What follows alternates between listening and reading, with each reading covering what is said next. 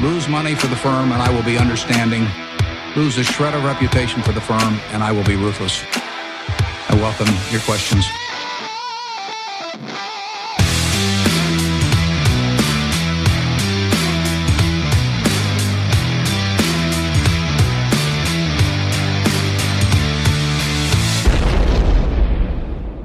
Hej och hjärtligt välkomna till Kvalitetsaktiepodden. Det är jag som är Ola.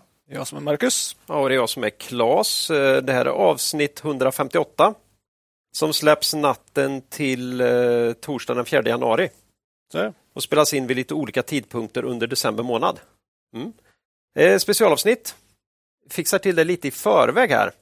Så att vi ska kunna lata oss lite extra här under jul och nyårsledigheten. Mm, knäcka nötter och... Ja, bland annat jag har ju varit en sväng till lite varmare breddgrader under helgerna här. Men precis återvänt till Östergötland, Förhoppningsvis. förhoppningsvis. Det syns Fan, inte nu jinxar du det här Ola. Det syns Ja. inte riktigt på det. nej, nej, nej. Har, har inte blivit brun i förväg än här. Eh, I det här avsnittet är ju huvudnumret en, en riktigt matig intervju då med Aligos alltid lika vältaliga och intressanta VD Klein Ullenvik. Den ska man lyssna på. Mm. Eh, vi kommer ju också efter intervjun eh, svara på en hög med intressanta lyssnarfrågor. Så jag hoppas det ska finnas något för alla här. Men några som till skillnad från mig då, aldrig tar riktigt ledigt. Om inte börsen är stängd och tillbommad på riktigt. Vet du vilka det är Ola? Ja, jag, bara chansar här nu. Eh, vild gissning. Vild. Eh, Peter och Håkan på Cavalier. Ja, du tog den igen! Du tog den igen. Shit, ah. Därför idag har vi som vanligt med oss våra huvudsponsorer Cavalier AB. Då. Och En riktigt bra och, och unik grej med Cavalier det är ju att de är ju inte bara fondförvaltare utan kapitalförvaltare i en eh, bred mening.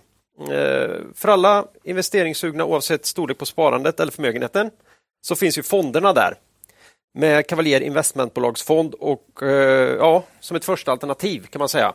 Och eh, på cavalier.se eh, så har ju Peter och Håkan listat ett antal anledningar till varför just investeringar i rätt investmentbolag är en så bra idé. Vi skriver under på allihop här. Eh, Vi tar de här då. Eh, Investmentbolag har ju eh, visat en högre avkastning än den svenska börsen i genomsnitt under lång tid. Eh, Flera orsaker till det. 1. Ledningen i investmentbolag har en lång erfarenhet. I alla fall i de som Peter och Håkan är intresserade av. Två, ledning i investmentbolag har en bättre insyn i portföljbolagen än vad vi andra kan ha. Eh, Ja, de är till och med ofta med i, i ledningen och styrelsen för de här Mm. portföljbolagen. Eh, tre då, investmentbolagen kan ju från tid till annan använda belåning och därmed få hävstång på sin investering. Och för det fjärde, ofta handlas investmentbolag med rabatt mot substans. Vilket innebär ju att eh, avkastningen erhålls på ett större belopp än investerade beloppet i investmentbolaget. Så det är inte dumt. Ganska ofta äger de mycket aktier också. Ja, Ledning. Och... så är det. Eh, sen finns ju den här fonden också naturligtvis som hjärtat klappar lite extra för hos oss, nämligen Cavalier Quality Focus. Vi pratar ofta om den i podden och många av bolagen i fonden förekommer flitigt även här ju. Inte minst idag. Aligo, naturligtvis är det ett innehav då i Quality Focus. Eh, men så är det också här att i grunden för Cavaliers verksamhet finns ju deras individuellt utformade kapitalförvaltning, eller diskretionära förvaltning som det också kallas. Här kan privatpersoner, familjer, företag, organisationer, stiftelser och inte minst trädabolag som har ett kapital överstigande 5 miljoner kronor få hjälp att få avkastning på sitt kapital i en individuell, individu, individuellt nu du, utformad lösning och där man tillsammans då med Cavalier ställer upp avkastningsmål, placeringshorisont, risknivå och övriga preferenser för den här unikt utformade portföljen. Här är det låga förvaltningskostnader. Det är en viktig komponent för att uppnå ett gott förvaltningsresultat. Eh, därför baserar Cavalier sin avgiftsmodell endast på ett lågt, fast och synligt arvode. Det erhåller inga andra intäkter, inga, ingen courtagedelning från depåbanken, inga säljprovisioner eller dolda intäkter genom att de använder några komplicerade instrument. Och hos Cavalier investerar man också helt utan inlåsning. Vill man få kontakt med Peter Håkan eller veta mer om filosofin bakom Cavaliers förvaltning hittar man all information man kan önska på cavalier.se. Där kan även börja prenumerera på deras informativa månadsbrev eh, med bland annat intressanta reflektioner runt några av innehaven i fonderna. Eh, köpa in sig i fonderna kan man göra bland annat hos Nordnet, Avanza och Saver. Och som vanligt när vi pratar om fonder är det viktigt att komma ihåg att historisk avkastning i fonder inte behöver vara en indikator på framtida avkastning och att ni kan förlora delar av ert satsade kapital då fonder både kan gå upp och ner i värde. Tack säger vi till vår huvudsponsor Cavalier AB. Ja, vi har ju idag också med oss vår äldsta samarbetspartner Börsdata. Värdeinvesterarens bästa vän. Ja, och är man inte medlem hos Börsdata än så blir det. Alla medlemsnivåer, priser och själva tjänsten hittar ni via borsdata.se. Tack säger vi till Börsdata. Innan vi går vidare i avsnittet vill vi påminna våra lyssnare om att aktieinvesteringar alltid innebär ett stort risktagande. Aktier kan både gå upp och ner i värde. Satsa därför aldrig kapital på aktier som du inte är beredd att förlora. Det vi säger på den ska aldrig betraktas som köp eller säljrekommendation. Gör alltid en egen analys av bolagen innan eventuell handel. Kan ha varit snabbast någonsin. Det kan ha varit ett försök också. Eh, det har ju blivit dags för huvudnumret i det här avsnittet. Vi fick ju ett supertrevligt samtal med eh, Klein Johansson Ullenvik här via Skådcast i mitten av december. Mm. Eh, vi pratar både om högt och lågt.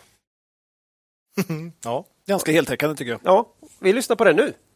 Idag har vi den stora glädjen att ha med oss Aligos VD Klein Ullenvik i podden. Välkommen! Tack snälla! För de som inte känner till Aligo så bra, hur skulle du, du vilja beskriva företaget? Ja, vi är en ledande aktör inom eh, arbetskläder och personligt skydd. Allt vad som rör händer, fötter och huvud och att man eh, kommer hem eh, hel och ren. Och verktyg och förnödenheter. Så allt vad som rör elhandverktyg, vanliga verktyg, eh, svets, kätting, hydraulik. Ja, så det, där är vi en ledande aktör. Finns på 213 platser i Sverige, Norge, eh, Finland och faktiskt i Estland två butiker. Eh, och du kan handla hos oss via webb och butik som sagt. Smarta eh, lösningar i form av on-site storage och lite sånt där. Så att kläder och skydd, verktyg och förnödenheter i Norden. Och så har vi åtta olika kundsegment där industri är störst och bygg är näst störst. Mm. Ja, eh, du då, hur, kan du berätta lite om din bakgrund och hur du hamnade där du är idag? Ja, det börjar nog ganska direkt. Jag är ju uppväxt i en familj där min pappa hade entreprenadmaskiner. grävmaskiner, mobilkranar, lastbilar, dumprar, bandtraktorer. Eh, så han brukade säga att jag satt och drog i spakarna på Åkerman och Lockomo eh, grävmaskiner innan jag kunde gå. Eh, så jag hade väl hydraulolja istället för välling kanske i nappflaskan. Så min pappa hade noll anställda dagar i sitt liv. Han var en riktig, riktig entreprenör.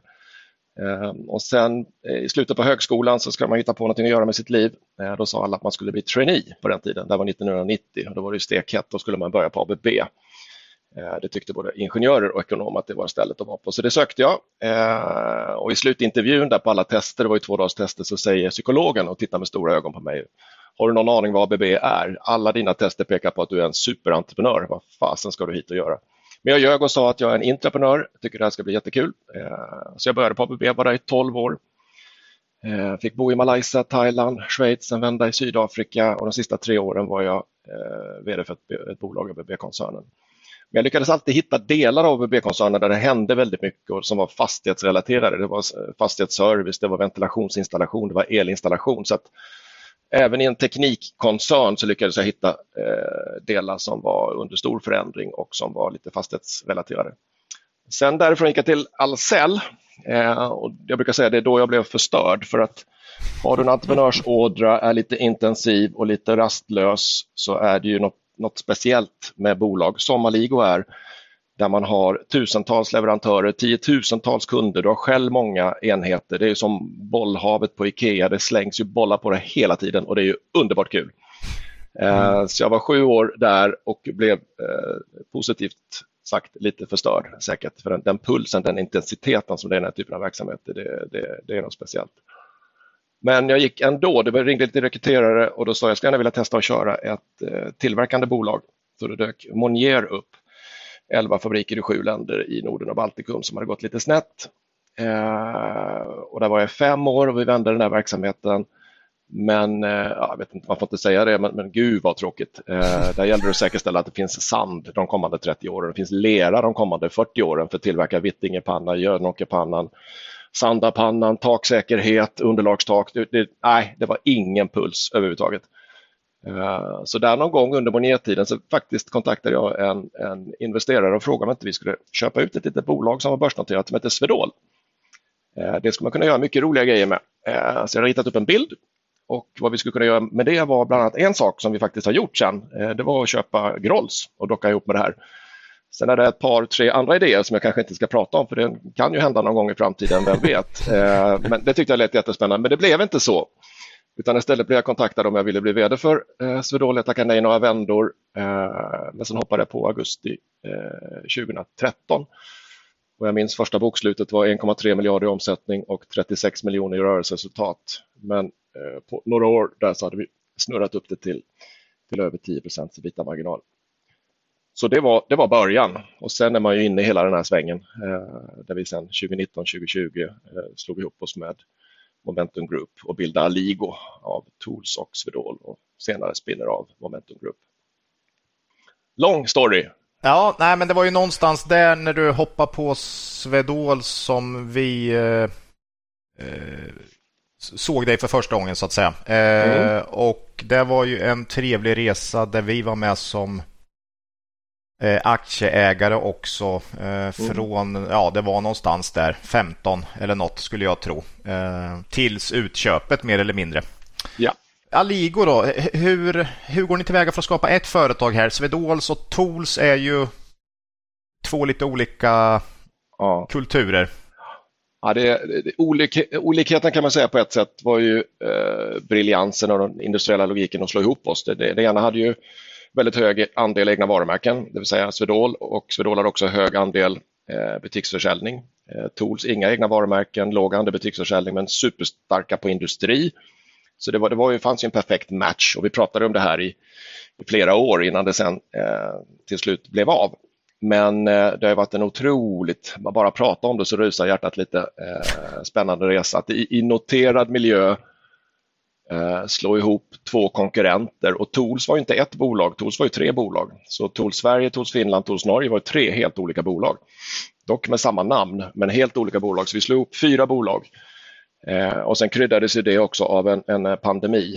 Eh, så det första året i den här resan så, jobb, så träffade jag inte eh, min finska landschef fysiskt eh, en enda gång. Sen träffade jag honom och det visade sig att vi klarade oss bättre utan honom så han fick sluta. Men, men jag träffade inte honom för hela första året så, så träffades vi faktiskt inte. Så det var en otroligt spännande tid.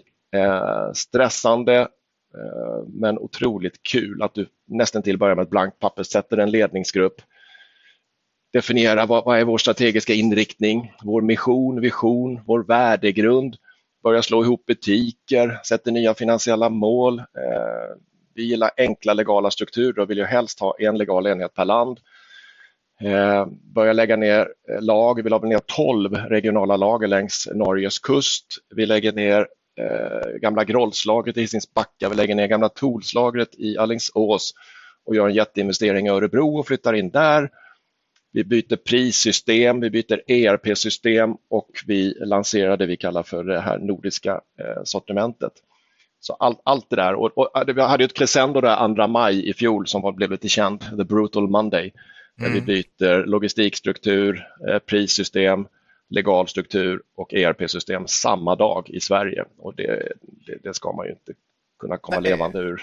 Nej, jag, vi känner till det här och, och, eh, du sa noterad miljö, sånt här är ju ja. lättare att göra utanför. Men samtidigt, det har ju inte det har ju inte chock chockat börsen på något sätt? Era, det har inte blivit några eh, helt otroliga kostnader för det här ändå, utan Nej. ni har ju hanterat det på en rimlig nivå måste jag ju säga. Ja, ja. ja men vi, vi, vi vill ju visa framdrift hela tiden under tiden, men man brukar snacka om man kör tåg och lägger räls samtidigt och då har det här mm. verkligen varit. Ja. Eh, och vi har velat visa finansiell förbättring steg för steg samtidigt som vi gör ganska genomgripande mm. eh, saker. Så att det, att... nej, jag har bet sönder två tänder, man ligger superstressad på nätterna som oh, stel som en pinne. Mm. Eh, och hela ledningsgruppen och alla, alla fantastiska medarbetare runt omkring.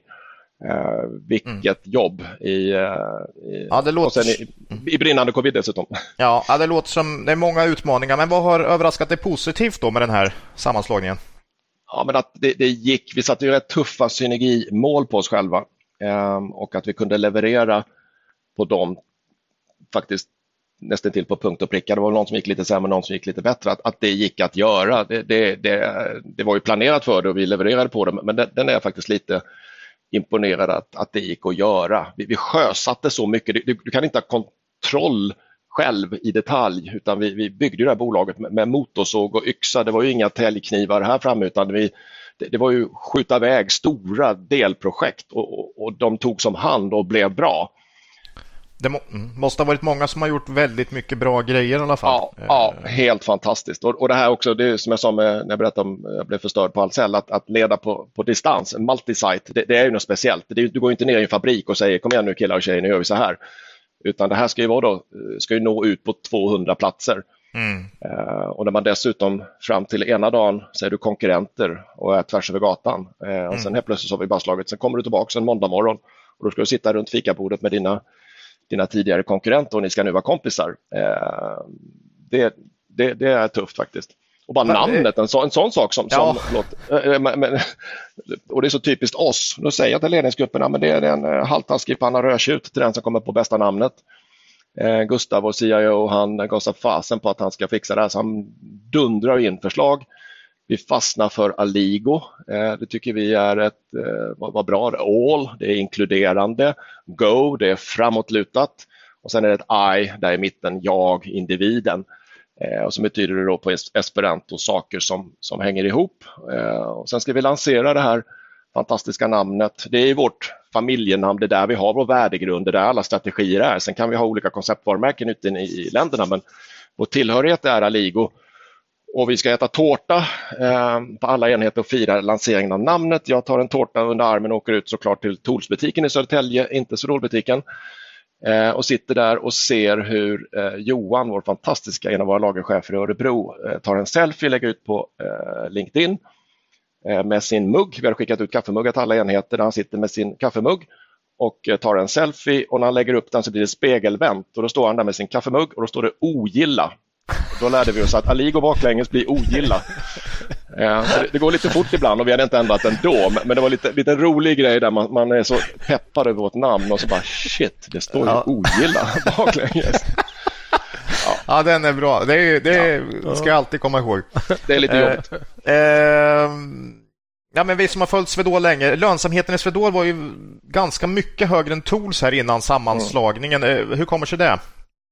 Nej, men det är, vi, vi hade ett, ett, brutalt fokus på småkunder. Vi älskade ju sådana som min gamla pappa eh, som var småföretagare eh, som uppskattade vårt eh, erbjudande som var prisvärt. Bra grejer till en bra prispunkt. Eh, och så hade vi en hög andel egna varumärken. Så att eh, det gjorde det hela lite enklare och det är ju inget, mina fantastiska Tools-kollegor, det är det att Tools var en ganska ny skapelse, startade runt eh, millennieskiftet. Så Swedol kom ju från ett, ett inköpsarbete och jobbade med externa leverantörer och egna varumärken. Medan Tools har ju startat som en ja, distributionskanal för Bergman och Beving egentligen. Så det är, inte, det, det är en stor ursäktande eh, faktor att att man hade inte sedan start jobbat med ett, ett sortimentsarbete och eh, ja, med inköp på det sättet. Så egna varumärken, småkundsandel eh, blev ju en mm. härlig blandning. Vi startade ju Gesto där 2014, det firar ju tio ja, år nu. Eh, det gick ju ganska snabbt ifrån från 0 till 250 miljoner i försäljning. Jag minns jag såg första Gesto-brallan, då låg det ett par gubbar utanför Berns här i Stockholm och la gatsten. Eh, och där går jag förbi och, går fram och läser i rumpan på den ena där, om det verkligen står Gesto på hällan. Där. Så då måste jag, måste jag undrat vad det är för knäppjök som går fram och tittar på dem så, på så nära håll. Men det var, det var Gesto det var första gången kommer jag ihåg. Det var bara en sån otroligt härlig känsla att fasen våra kläder de används faktiskt. Kul. En, en detaljfråga där. Kommer du ihåg hur stor andel egna varumärken Swedol hade? Ja, ja det var lite kul. Ja, det är lite ja. kul, vi hade 35-36 procent. Och mm. Vi hade faktiskt på allvar diskussioner i ledningsgruppen om vi skulle sätta ett maxtak. Att det skulle inte få bli mer än 50 för då skulle det bli ett annat koncept. Mm, mm, mm vi vill ju vara eh, den som levererar eh, högkvalitativa artiklar till en bra prispunkt till våra eh, kunder. Men skulle det bli 50-60 procent som egna varumärken då skulle kunderna kunna tycka att ni är ju bara här för att kränga era grejer. Så att vi hade faktiskt på riktigt diskussioner om att vi skulle mm. säga att det får inte bli över 50. Eh, så det är lite roligt om man tittar tillbaka på det.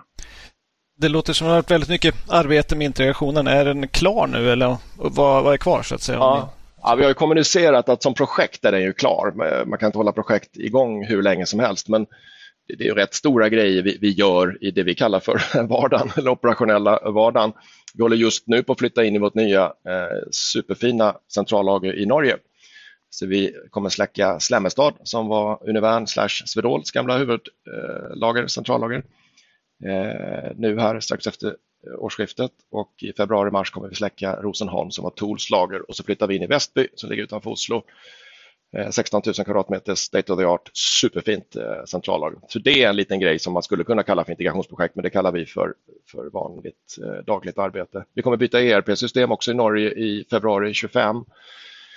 Vi har precis tagit i drift i helgen en, en 40 miljoners investering i, eh, i Örebro för ökad automation med konvejerband och paketen ska vägas och de ska etikeras och kartongresning och sånt där. Så jag ska få se den nästa vecka för första gången i, i drift. Så det, det händer väldigt, väldigt mycket, men som integrationsprojekt betraktat har vi sagt att är det, är det klart. Vi har levererat på det vi sa och det är klart. Skönt. Eh, nyligen har ni slagit ihop varumärkena i, i varje land under ett varumärke. Eh, hur, mm. Eh, kan du berätta lite grann om hur arbetar ni med varumärkena framåt? Liksom? Ja, nej, men vi, har ju, vi, är så otroligt övertygade om vår fullintegrerade modell och då, där måste man ju då leva fullt ut. Eh, så vi tror ju på att man har ett, ett definierat sortiment, du har centrallöglösning, du har våra nordiska funktioner som stöttar länderna. Länderna ska få foka på eh, att driva sälj och det blir lite knasigt när du har för mycket lokala varumärken. Så i Sverige hade vi både Tools, Swedol och Grolls och vi var redan på den pucken på gamla Swedol att vi skulle fasa ut Grolls. Även om det har anor sedan 1832. Det grundades 1832. Det är ett fantastiskt eh, gammalt fint varumärke men det, det, det, ta sig så mycket knasiga in, uttryck. Vi, bland annat hade vi broschyrer vi skickade ut och, och om du bläddrar från ena hållet så var det Swedol och så vände den upp och ner och så bläddrade du från andra hållet och var det Tools broschyr. För att bygga varumärke över, över tid och kännedom så, så måste vi välja eh, ett varumärke per land och då har vi valt av eh, försiktighet Tools i Norge och Finland för där var det starkast och Swedol i Sverige eh, för där var det starkast. Mm. Sen kommer det finnas lite småbolag som är under integration och så har vi våra profil eller, eller prof, produktmediabolag som kommer drivas under, under sina, men, men huvudbusinessen kommer drivas under ett konceptvarumärke eh, per land. Ja, så vi var ju förvirrade om det här i podden. Ja, jag hörde det. Här. Kommer, kommer, kommer, kommer Grolls finnas? Nej. Eh, kommer man stöta Nej. på Grolls? Nej, man kommer Nej, inte göra inte det. Som, eh, som konceptvarumärke. Men vem vet i framtiden? Vi sparar ju varumärket såklart och om några år kanske vi känner att vi vill lansera något något koncept eller någon klädlinje eller något och då kan det vara en liten blinkning till, eh, till historien och använda Grolls. Vem vet? Men, men det kommer faktiskt, jag, jag hörde er lilla sektion där. Ja, herregud. Var... ja, nej, jag, jag skrattade gjorde jag inte, men, men eh, jag hörde den och, eh, och det är inte lätt. Och vi har inte gjort det lätt för någon att förstå vår resa heller, det kan jag ju säga, eh, med det vi pratar om att göra, det vi har gjort i noterad miljö vi ville heller inte slå på trumman och, och, och, gå ut på barrikaderna och säga det här är fantastiska ligor bara för att sen misslyckas med Nej. ett ERP-projekt och ett logistikprojekt. Så vi, vi har lite grann medvetet hållit oss i radioskuggan och sen alla dessa eh, namnbyten har inte gjort det lätt för någon, det, det fattar vi också. Vi hoppar vidare då eh, till den här mer eh, ja, er regionala utbredning så att säga. Mm. Eh, om man tittar då under 2023 så här långt så har ju Aligo en marginal på 9,8 procent i Sverige. Mm. 5,4 procent i Norge och 3,5 procent i Finland. Ja. Eh, lite ledande fråga, vad beror den här stora skillnaden på? ja, och det vet du, det är ju just eh, småkundsandelen och, eh, mm. och andelen egna varumärken eller, eller egentligen sortimentsarbetet. Vi, vi, vi har kört en slide på om det är en eller två kvartalsdragningar som, som är väldigt målande som är eh, om man då gör butiksförsäljning lika med småkundsandel. Så Sverige har vi 70 procent, Norge har 45, Finland har 20 och det är precis vår lönsamhetstrappa.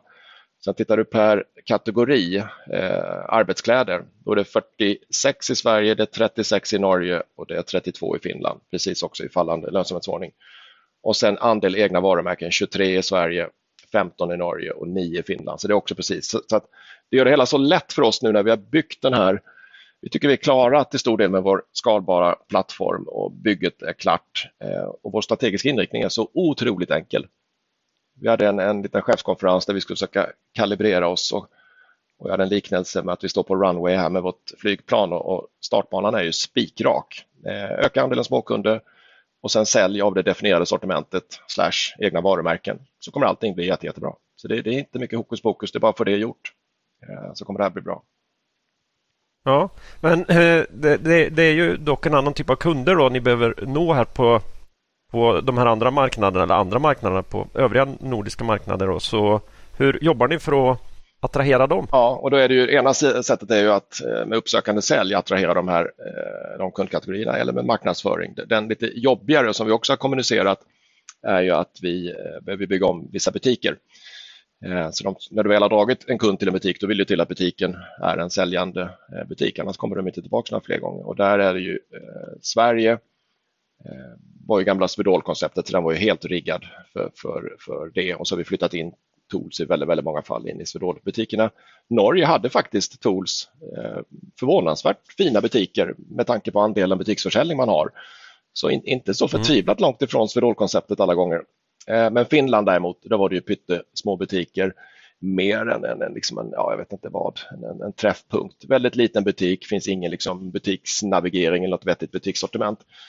Så det som vi nu har kommunicerat och som kostar oss lite i lönsamhet är ju att vi har ju sex, sju butiker som vi har eh, flyttat eller nyöppnat. Eh, och det är utav våra 40 butiker i Finland så klart, har du sex, sju stycken där du gör den här typen av satsning så kostar ju det. Mm. Det blir rätt över tid men det, det svider ju nu. Eh, så att butiken är väl det, det viktigaste vi får fart på. Att den känns, den känns presentabel och bra.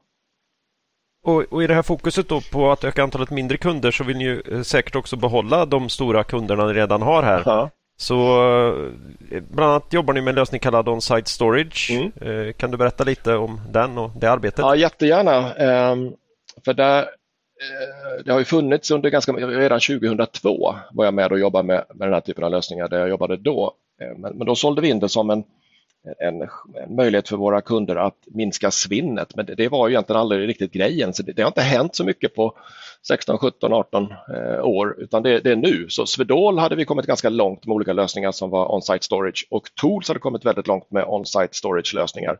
Och det råkar slumpa sig så att när vi nu slår ihop de här två så får vi ett supervast upplägg. Så det är ju olika sätt att, eh, att ha smålager. Det kan vara godisautomater, det kan vara ett plåtskåp, det kan vara ett, ett helt förråd där du går in med ögonigenkänning och där, där produkterna vägs. Du tar ut en liten bricka ifrån en, en, en kartong och den, den, känner av att nu har Klein tagit ut en bricka och det blir belastat på rätt projekt och det blir belastat på mig. Och, så, så det, det, är ett spann ifrån mindre smarta till väldigt smarta eh, lösningar. Men de allra minst smarta lösningarna är även de uppkopplade till våra system och kundens system via molnlösningar. Men, men det som är den stora sälj USPen för de eh, lösningarna det är ju eh, dels kvalitet för kunden, att man kan säkerställa att, att det är rätt borr som ligger vid den arbetsplatsen så att det inte blir fel borr när du ska borra i någon metall och de får kvalitetsproblem. Att en fordonstillverkare står och borrar med fel borr Eh, det är också med hållbarhet för svinnet faktiskt minskar ju. Eh, det är en kostnadsbesparing för på många sådana här industriella sajter är så stora så förrådet kan vara flera hundra meter bort. Eh, och då ska någon gubbe eller gumma lomma iväg där och vara borta en lång stund för att sen komma tillbaks. Och så har du även hälsa och säkerhet som man kan glömma bort utan det kan vara ett arbetsmoment där man står och slipar och då ska du ha en viss typ av filter till den masken du har när du står och slipar. Då vill du till att det är rätt filter för den typen av damm som är där. Och då säkerställer man ju såklart att det filtret ligger i det här eh, on-site-lagringen bakom ryggen på den som jobbar. Så det är både hälsa, säkerhet, det är hållbarhet, det är kostnad, det är kvalitet. Så det, är, eh, det är en fantastisk grej. Vi, vi tycker att vi har, eh, ligger lite före alla andra. Vi har väl, tror jag nu, tio, närmare 10 000 sådana enheter installerade. Mm. Eh, så tittar du i Finland, nu kommer jag inte ihåg, men, men det är typ 60 procent tror jag av vår finska omsättning kommer från kunder där vi har en sån lösning eller flera. Så det är ett fantastiskt sätt att knyta ihop oss med, eh, med kunden. Mm. Om vi går tillbaka en sista gång här till det här med egna varumärken då, för det är ju som sagt en av de här nyckel, mm. nycklarna eh, för att driva lönsamhet då. Och 19 procent var den för Aligo som helhet, men som du sa förut så är det väldigt skiftande mellan de här marknaderna. Och du, var så, du pratade om något form av tak, Svedol. Ja, det skulle inte bli över 50. Det är liksom roligt, men, ja, men, Sverige är mycket högre. Jag antar att det är framförallt Norge och Finland ni vill höja den här andelen. Hur, hur jobbar ni med det här? Ja, äh, det, är också lite, mångbottnad. mångbottnat. Tar du arbetskläder och skydd, då har vi ju starka. Vi har björnkläder, i är ju vårt. Det är ju Nordens äldsta arbetsklädesvarumärke. Det, det, är inte, vi åker ju aldrig till en mässa i, i Kina och, och säger att den jackan vill vi ha, de byxorna vill vi ha, utan vi, vi börjar från andra hållet. Vi har ju ett stort gäng som sitter i Almedal i en otroligt häftig eh, kreativ miljö i, i eh, gamla tekoindustrilokaler som är upprenoverade så vi designar, en vinterjacka kan ju vara på 30-31 sidor bill of material från, från, från sytråden eh, via knapparna. Allting är certifierat, det är kontrollerat. Vi sourcar det här till en fabrik som syr ihop det. Så, så det, det, man kan ju tro många gånger att, att egna varumärken, då man åkt och hittat något billigt, så, så våra kläder, det, där, där startar vi från minsta sytråd. Eh, mm. Så där har vi ett, ett visst en annan typ av ansvar eh, för dem framöver, både Björnkläder, Gesto och Univern, att, att driva och utveckla dem. Sen har du på, på verktygssidan, eh, då har vi också en hel uppsättning med, med egna varumärken som vi vill rulla ut. Men jag vill också säga att det är inget självändamål med egna varumärken utan kan vi få eh, kan vara superkonkurrenskraftiga och tjäna bra pengar ihop med våra externa leverantörer. Och det var ju faktiskt också en stor del av eh, Swedol-resan. Att vi bjöd in kommer inte ihåg hur många det var första gången, då våren 2014, eh, om det var 12-14 viktigaste leverantörerna och berättade vad vi tänkte göra med bolaget och bjöd med dem på resan och sa att på ett visst antal års sikt, om ni ställer upp på det här så, så kommer vi lova er dubblerad försäljning genom oss, vilket vi också kunde sedan konstatera att vi gjorde.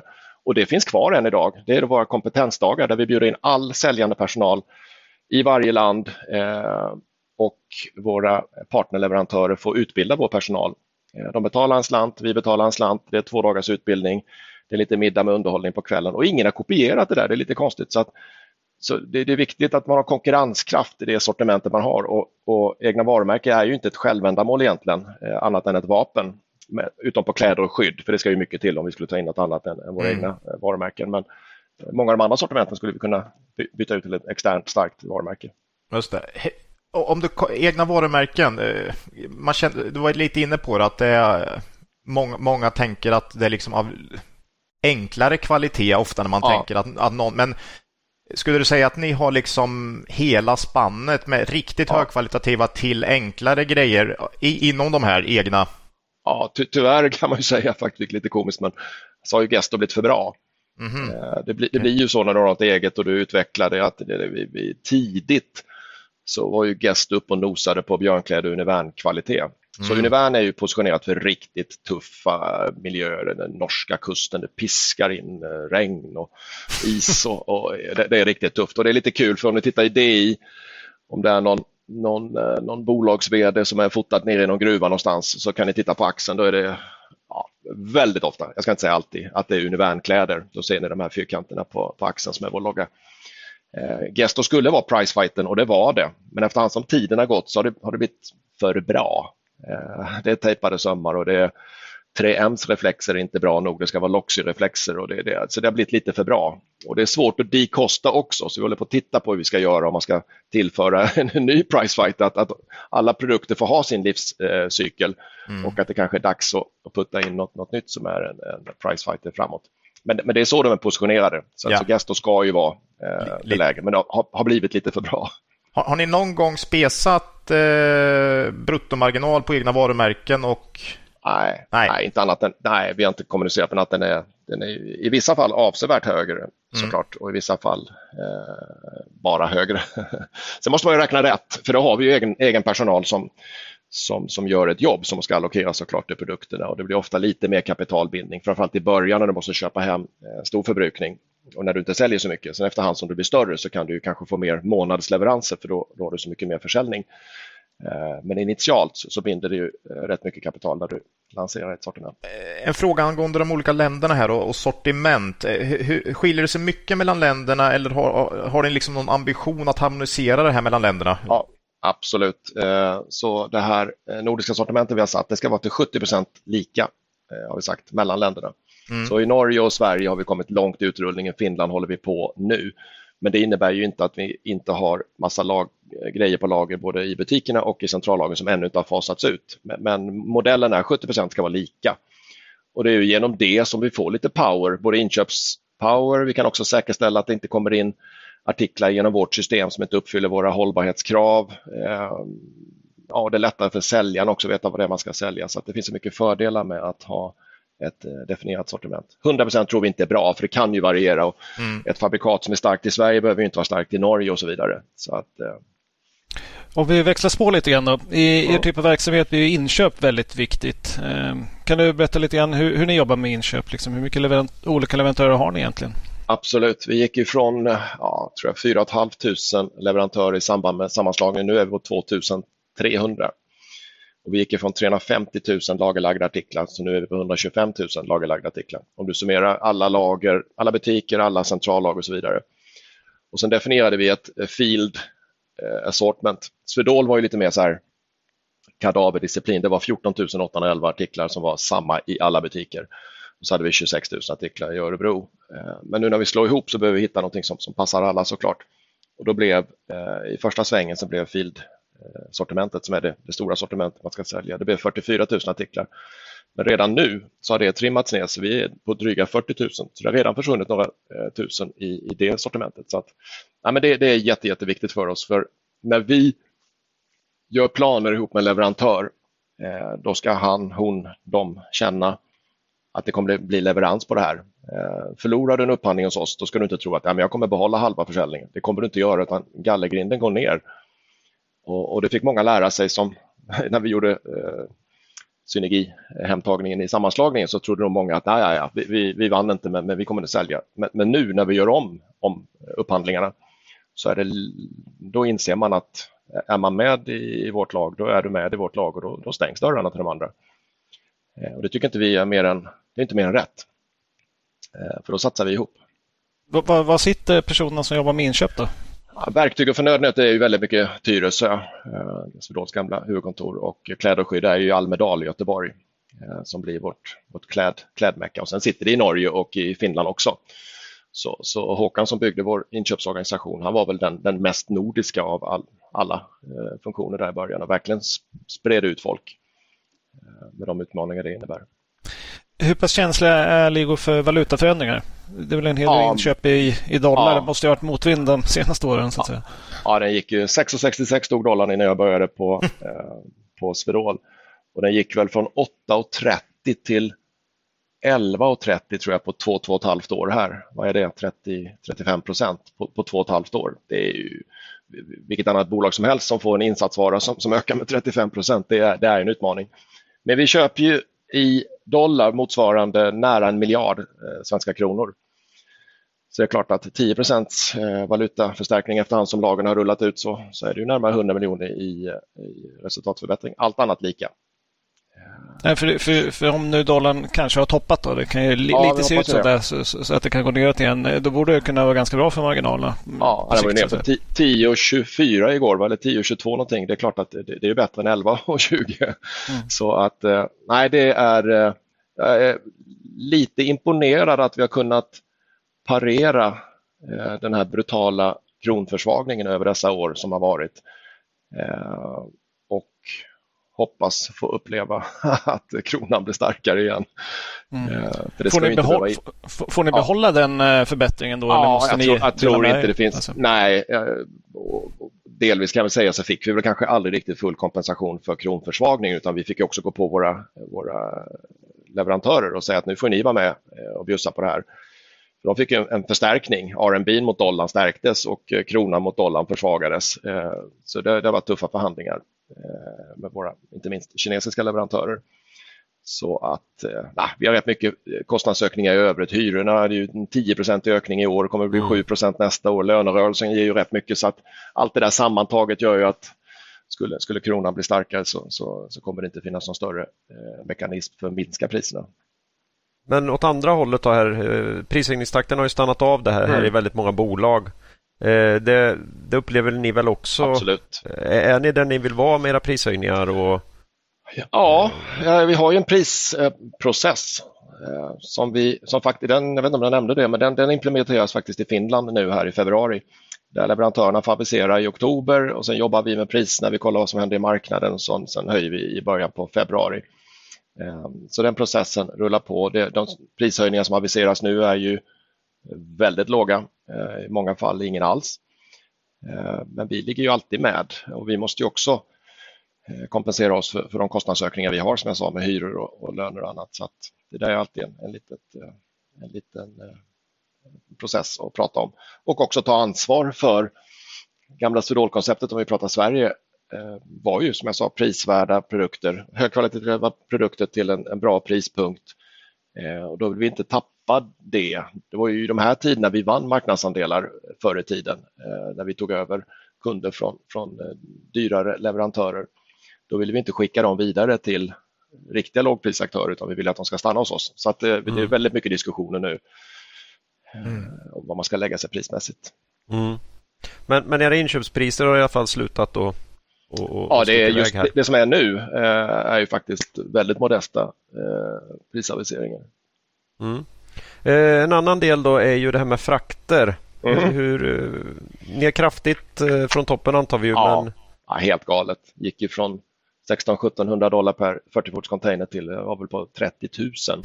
Ja, men det, det, det, det är helt ofattbart. Ja. Vi satt och tittade, kommer jag ihåg, på en enkel t-shirt där fraktdelen i landed cost eh, som läggs in i lager, den har ju alltid varit försumbar. Och mm. plötsligt var den 20 procent. Liksom, vad, vad, hände? Vi var inte, var inte beredda på det. Eh, men vi hade lite tur slash skicklighet att vi säkrade upp rätt mycket, eh, tror typ 50 procent av vårt behov säkrade vi upp på Ja, vi tyckte det var dyrt då på 2600 dollar per container. Eh, så när den stod i 18 000 så betalade vi fortfarande det låga priset. Så vi, mm.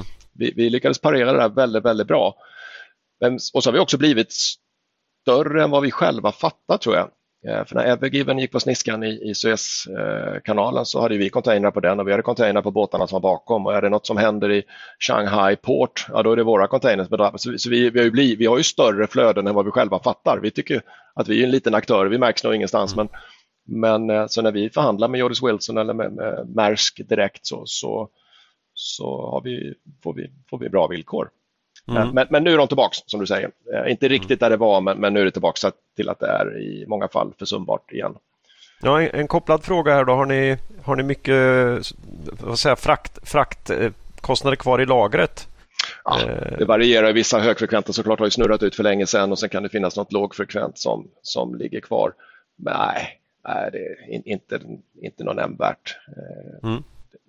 Utan att säga att det inte finns något. Nej, om vi går över på marknaden då. Den är det ju mm. många som eh, som vanligt fokuserar på och eh, funderar på. Eh, hur ser du på, på, på marknadsläget i, i, dagsläget?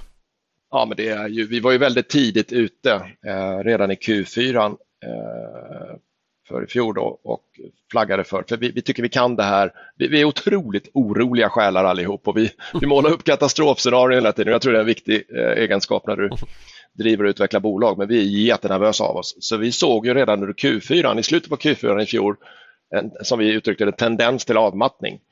Eh, men, men då var inte poppis, då skulle man ju säga att allting är guld och gröna skogar och allting pekar rakt uppåt. Så jag vet inte om vi någonsin fick någon eh, cred för det där, utan tvärtom. Av, av oss, ni fick, av, av oss ni cred från oss alltså? Ja, ja. ja det är okej. Okay. Ja, men härligt, vad härligt. Nej, men ja. det, det, var de, flesta, de flesta andra sa att det här är inga problem, det kommer, det kommer. men, men liksom alla tecken var ju där och vi, vi följer ju snittkvitton, vi följer eh, besökare i butik, vi ser hur kunder rör sig, vi pratar med kunder. Eh, på Swedol-dagar så älskar vi att gå runt och prata med kunder. Och, ifrån att de gick in och köpte lite sånt och lite sånt och de ändå var inne så köpte de precis det de behövde. Så tecknen var så supertydliga och den trenden har ju, har ju fortsatt under året. Sen har vi använt oss av lite olika eh, tendens till avmattning och eh, begynnande avmattning och nu såg vi att det vek. Vi gick ifrån plus 3 organisk tillväxt till nu senaste minus 3 eh, procent i organisk tillväxt. Och jag kan inte se något annat än att den trenden är inte bruten eh, på något sätt. Och den som säger något annat, eh, antingen håller de på med någonting, något väldigt speciellt eller så, så har de inte insett det. Så, så, så mycket statistik konsumerar vi.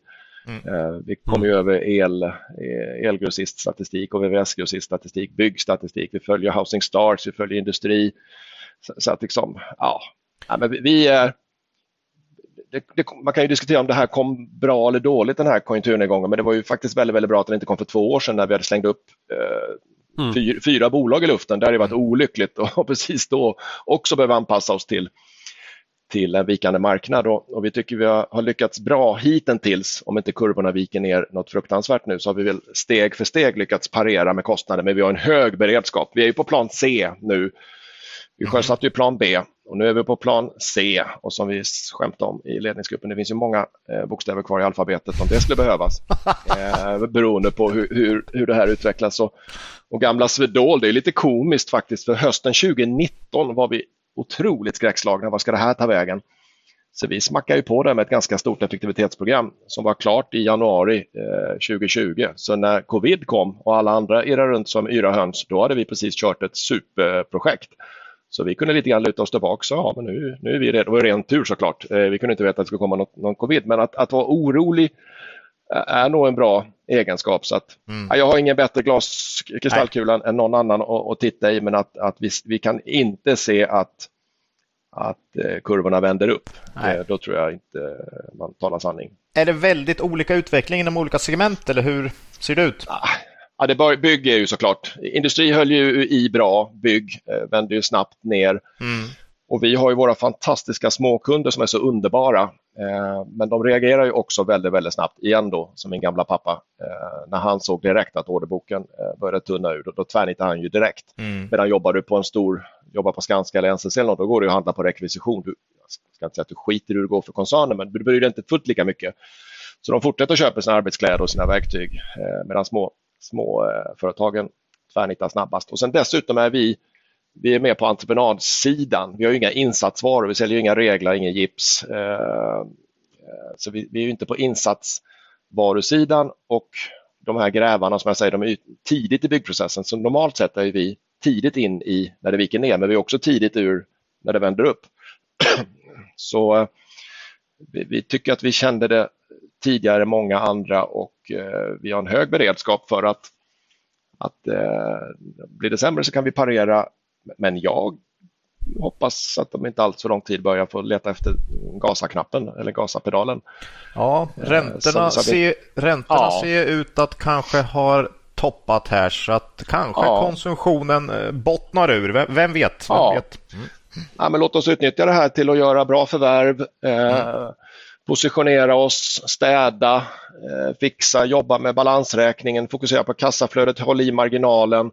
Mm. Ja, volymerna går inte att göra så mycket Nej. med. Det, det, marknaden går upp, marknaden går ner. Jag hoppas att marknaden har förståelse för att det stod i någon artikel om det var Veckans Affär eller Affärsvärlden eller DI att inte ens Aligo är immuna mot en, en marknadsnedgång. Även om den har varit mindre än vad man kunde förutspå eh, så, så drabbas ju vi också. Men jag hoppas att vi kan värderas utifrån hur vi jobbar med kassaflöden och marginal i tuffa tider och hur vi ja. förbereder oss för en uppgång med förvärv och annat. Aligo, ja, det är ju en ganska kort stunds, eh, tag som ändå har funnits som, som noterad koncern på något sätt. Så att eh, börsen, investerarna kanske vill se er i ja. både, både, upp och nedgång och, och, och så. Ja. Eh, eh en annan sak man inte rår över då är ju vädret här då. Eh, ja. Hur pass väderberoende skulle du säga Ligo Vi har ju varit inne på varma kläder och, ja. och, och, och, storm vid Norges kust och det här va. Det, det är liksom ja, Gillar, gillar ni snö och, och kyla? Absolut. um, och gamla, gamla Svedol igen då, då, så var det ju, då var ju eh, klädandelen mycket högre eh, och sen kanske då stora delar av den perioden jag var där så var ju mar underliggande marknaden var ju stark. Så när den här riktiga köldknäppen var, när det nu var, om det var 16-17 när det var, eh, då fick vi till och med vinstvarna för vi såldes för tvivlat mycket grejer. Så, så det väder som vi haft nu ett par veckor, det, det är precis det som jag fick skriva ett manus för hur jag ville att vädret skulle vara. Mm. Eh, det jag inte hade lagt in i manus som jag hade själv fått välja så är det ju den underliggande marknaden. Så, så att det, är klart att vädret har hjälpt oss. Och mm. Det finns massa sådana här sägningar. Vid minus åtta så börjar hydraulslangar frysa sönder, startbatterier börjar paja. Eh, kanske ni märker på era bilar ibland. Mm. Eh, så det är klart att, eh, att det inte bara är 2-3 minus utan det är 8-10 minus. Det är bra många av våra kunder jobbar ju också med, med snöröjning. De, de, är grävare på sommaren, de bygger pooler och grunder och på vintern så skottar de. Men, men det vi märker eh, också är att även nu, de köper precis det de behöver. Mm. Jag fryser om fötterna, jag går in och köper ett par kängor. Jag köper inte på, liksom, normalt sett när man får den till butiken så köper de massa annat. Det är inte länge sedan vår butikschef i Tyresö, eh, Peter, Eh, utmanade vår butikschef i Örebro, Björn, på vem som kunde sälja flest el, eh, så här tillfälliga elaggregat, Honda, Honda elverk. Och den ena sålde 38, den andra sålde 37 på en månad. Bara genom att gå fram till en kund, lägga armen runt, säga “Tjena Kalle, läget? Behöver du inte ett Honda elverk?” De har gått in för att inte köpa elverk. och de går ut därifrån och har köpt elverk för 10 000 spänn. Så, så liksom i, i, normala tider när marknaden finns där så är ju kunderna påverkbara, de är helt eh, underbara. Men, men, nu när marknaden är tuff och utmanande, man går in och köper det man behöver, mm. punkt slut. Eh, så, så väder är, eh, är helt underbart när det är så här. Eh, men eh, vårt väderberoende är mindre och vi kan inte riktigt kapitalisera på det när marknaden har varit som den är. Men den typen av kunder kanske överlever också, så de ja, finns kvar där när det vänder? Det är precis det som är grejen. De, de, de tenderar ju att fixa det här. Det igen då min gamla pappa, även om han satt på huk och berättade för mig och min syster att de här julklapparna ni ville ha, de kommer inte få då när det var oljekris på 70-talet. Eh, så var det tvärnit på allt, inklusive julklappar till barnen, men, men de överlevde ju. Eh, så nej, det är precis så är det. Precis så är det.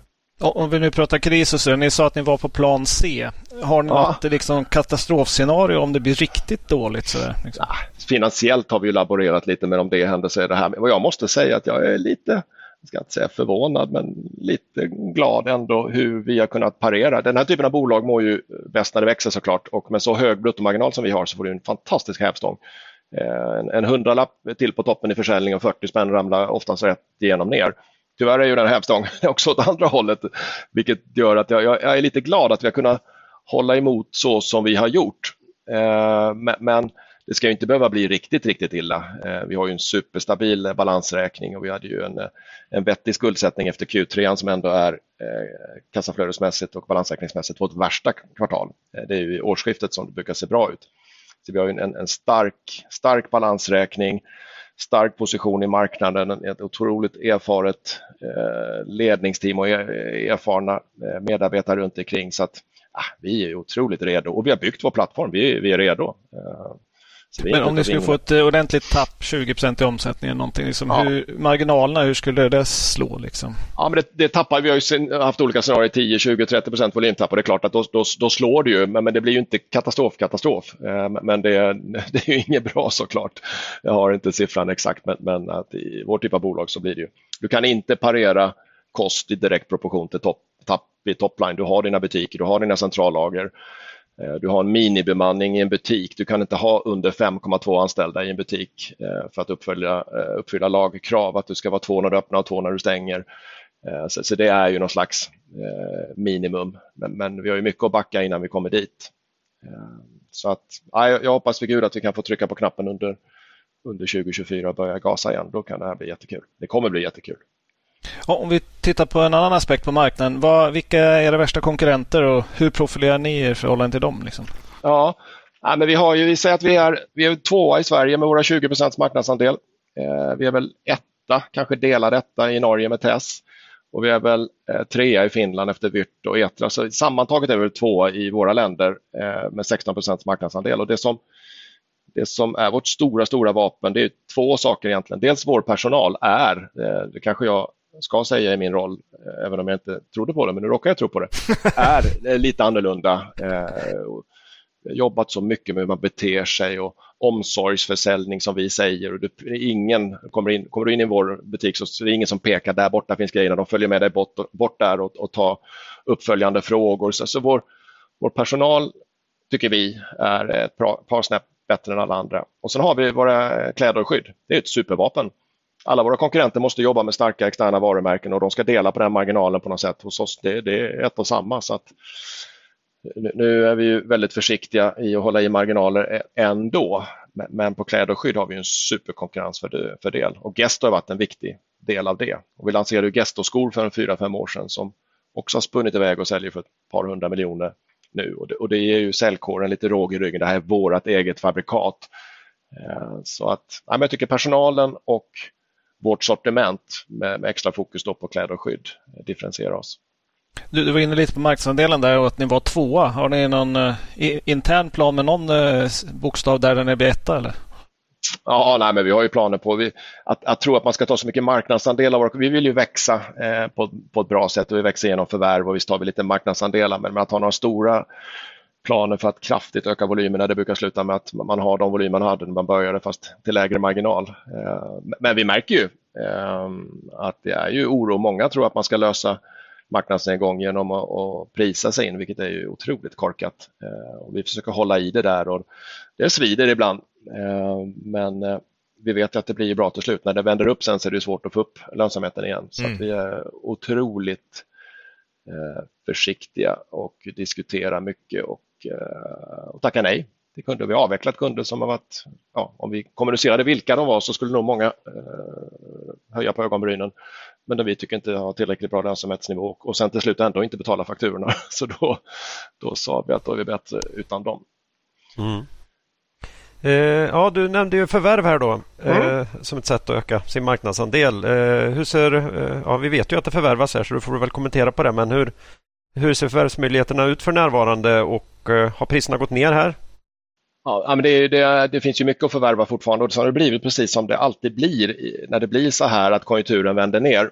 Eh, att vi, eh, vi förväntningarna skiljer sig åt. Vi, vi, har, vi har kanske varit nära att signa vi har räknat fram en multipel baserat på något justerat resultat och så är vi nära att signa. Säljaren har vant sig vid tanken att mitt fina bolag är värt 50 miljoner och sen börjar eh, prestationen i deras bolag gå ner och, och, då kan inte vi stå fast vid det vi har sagt och då blir det lite vakuum innan man hittar varandra igen. Och det vakuumet har vi upplevt här nu under ett kvartal, kanske två kvartal som ni märker, för vi har inte gjort så mycket förvärv. Eh, men dels börjar väl eh, förväntningarna komma ner hos säljarna och vi kanske kan räkna på det på ett lite annat sätt. Så nu har vi börjat träffa varann igen. Så det vi gjorde ju i veckan kommunicerade vi ett tvåpack, två svetsbolag nere i Skåne, Ystad och Malmö som är jätteintressant för det är ett av våra satsningsområden och en viktig strategisk eh, steg för oss att ta att, att öka vår, eh, vår kompetens och vår service mot kunder. Att inte bara sälja produkter, det är, det är väldigt mycket kring med utbildningar och service och så vidare. Mm.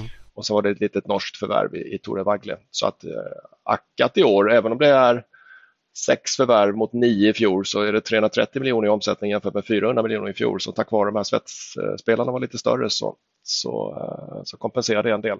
Kanske vi hinner klämma in ett litet till här innan, innan jul, vi får se. Det här sänds ju inte mm. förrän efter jul så att då kan jag säga. ja.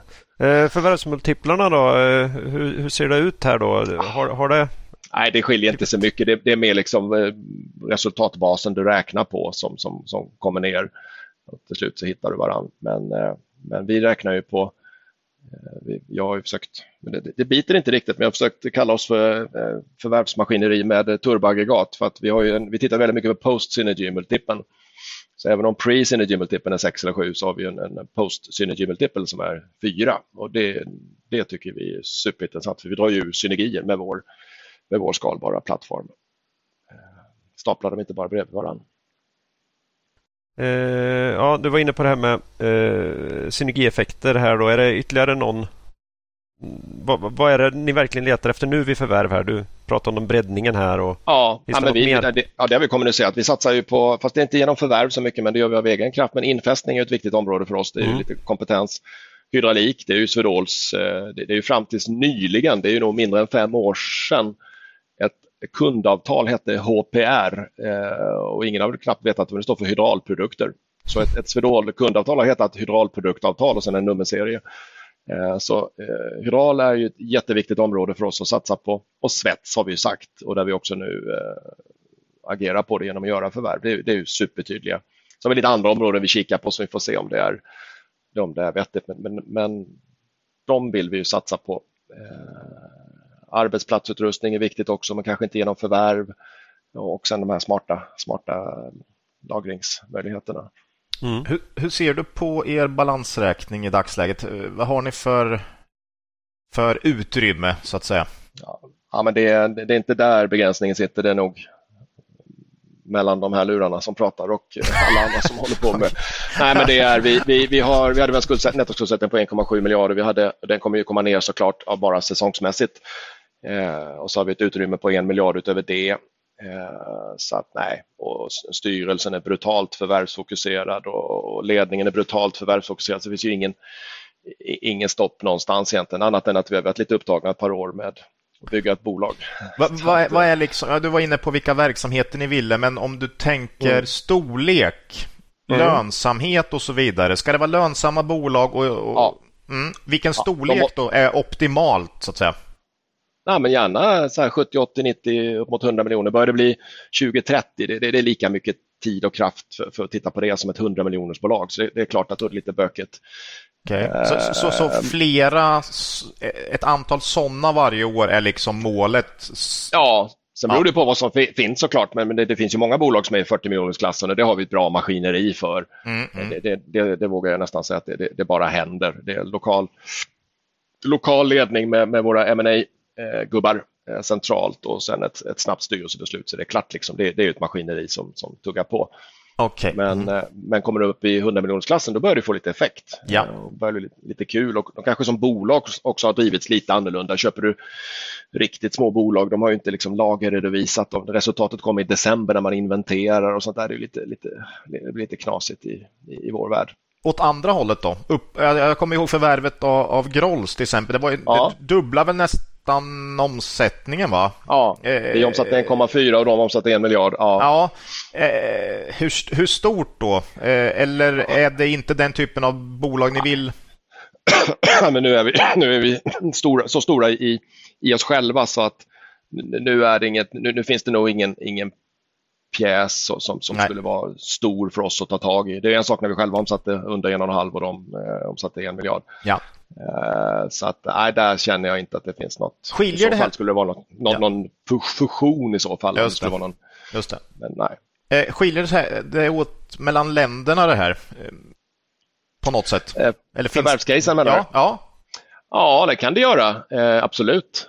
Nu har vi tittat väldigt mycket, om vi tar de här produktmediabolagen så har det ju varit en, en fragmenterad verksamhet i Sverige där det har gått att, köpa många. Den är ju mer konsoliderad i Norge. Det finns ju en stor aktör i Norge som, som har lite grann konsoliderat upp den marknaden. Eh, så det kan, det kan skilja lite grann, absolut. Eh, eh, sen är det enklare såklart. Jag, menar, jag, jag har ju sagt det i många sammanhang att i, i Finland rent generellt så, så, är det ju många bolag som finns som har en bra lönsamhet och värderas på ett, ett vettigt sätt.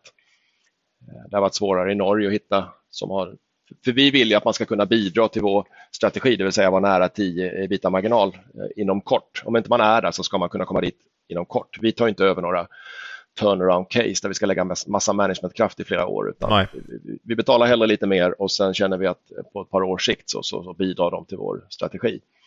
Det är vårt finansiella mål. Känns, känns vettigt. Ja. Ja, vi tycker det.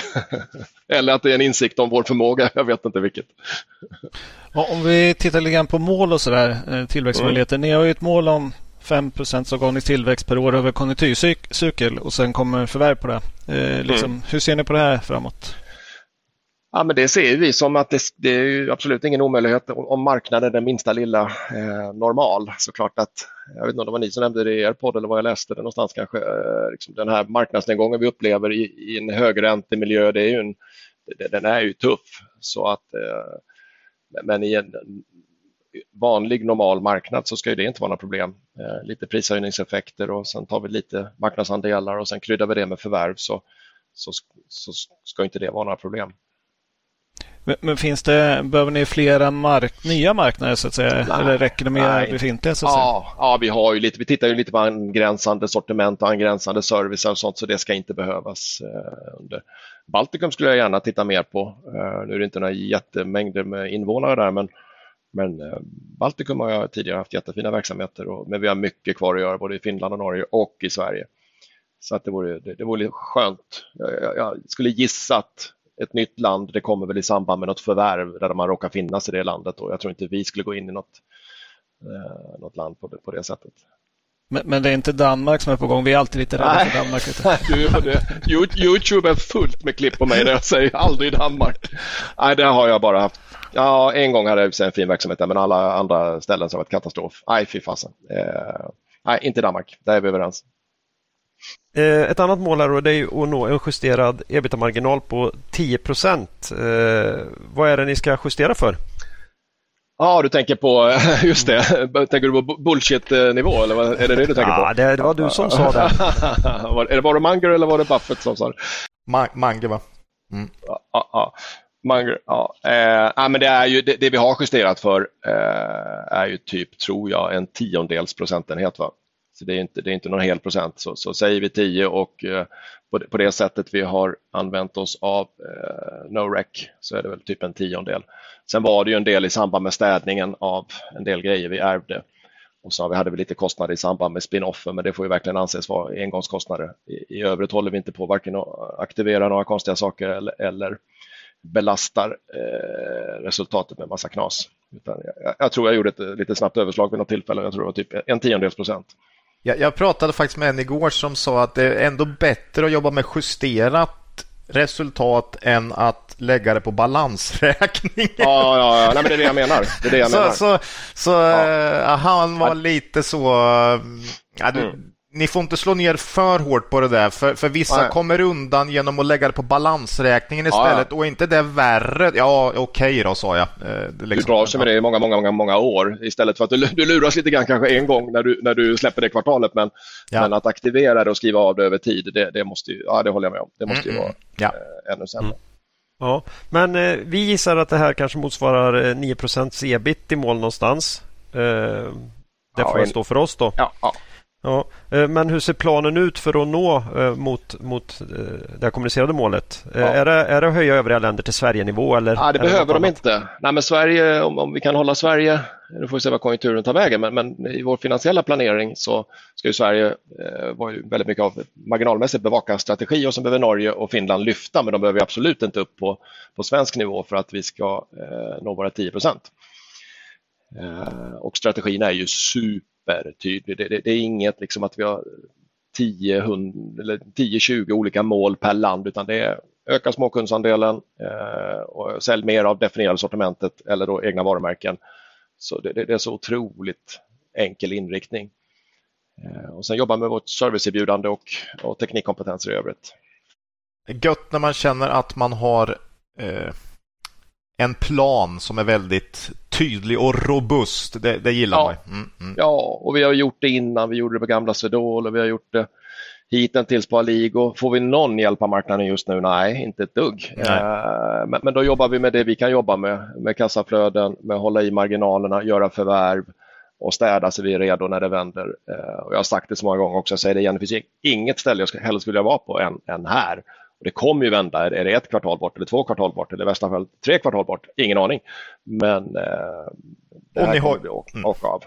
Ni har ju precis som alla eller väldigt många andra, man skriver ju målen över konjunkturcykel ja, såklart. Ja, Utan ja. ibland har man marknaden med sig och ibland emot ja, och ibland är det någon form av mellanläge. Det, det är ju liksom... Man, mm. Sen är vi ju bortskämda med att vi, vi utvecklades historiskt sett väldigt, väldigt bra även i konjunkturnedgångar. Men mm. vi är ju en annan organism nu, det måste vi bara acceptera. Mm. Men eh, vad, vi, lär oss. Mm. Vad skulle du säga liksom de största riskerna för Aligo framåt? Då? Jag tänker inte konjunktur, för det är ju en sån, Nej. utan mer eh, något annat där. Ja, då är jag jättekaxig kanske att säga att det vi kan påverka, nu är det risk att det blir Bagdad Bob över det här, men eh, det, det, vi kan påverka eh, känner jag mig jättetrygg med. Det har vi nu bevisat gång på gång på gång, år ut och år in. Eh, Härligt. Så, om man bortser från, vi är precis mitt uppe nu när man ska göra riskanalys och sånt inför årsredovisning och annat och det är klart att brinner det någonstans är det ju stökigt. Och, och men men eh, liksom, vi tycker vi kan det här. Vi, för ett gäng år sedan gav vi en av eh, Sveriges främsta managementkonsulter ett gäng miljoner och sa bygg ett bolag, titta på Granger, Screwfix, eh, Fastenal och allt vad de heter och så bygger ni ett bolag som konkurrerar skiten ur Swedol. Eh, så kom de tillbaka efter några veckor, några miljoner senare och sa nej, det där är eh, liksom butiker, ert sortiment som ni jobbar med kunder, det är, det är robust. Liksom det. Så att jag, jag, känner inte, det var så mycket snack innan om att nu kommer Amazon in och de kommer ta stor del av marknaden. Eh, det, det var ju retail-döden fanns ju. Och det har varit bygg, det är så mycket döder vi har genomlevt och, och, och vi finns kvar och vi är i ganska gott skick. Så utan att låta Den här, ja för konstig och kaxig. Så, så det, det, det vi kan råda över eh, kände jag mig, kände jag mig trygg med. Skönt. Den här Amazon-döden, skulle, den hade jag nästan glömt bort faktiskt. Ja, det, ja. var, det var ju några år sedan den skulle komma in och slå mm. ut alla svenska små fina eh, handlare. Ja. Mm, ja. Nej. Om, om vi växlar spår då, vad, vad, vad, ser du själv mest fram emot kommande år då? Ja, men det är det, jag sa här vid något tillfälle, att, att få trycka på gas, gasa-knappen. Det är ju det, vi, det, är det som är i vårt eh, DNA egentligen. Vi, vi, vi är väl hyfsade på att anpassa oss till, till en sämre marknad och en sämre omvärld, men, men där vi är bäst, det är ju när det gäller att, att gasa och ha lite kul. Vi är ett knasigt gäng, eh, högt i tak, mycket glädje, kanske på gränsen till oprofessionella i vissa sammanhang, men, men eh, där, där, är vi grymma när det gäller att, att gasa sen. Så det, det, vill vi göra snabbt och det hoppas jag att det, det kan bli under, under 2024 här. Låter ju kul att jobba på Ali. Man blir ju nästan, ja. man blir ju sugen alltså. Ja, ja exakt.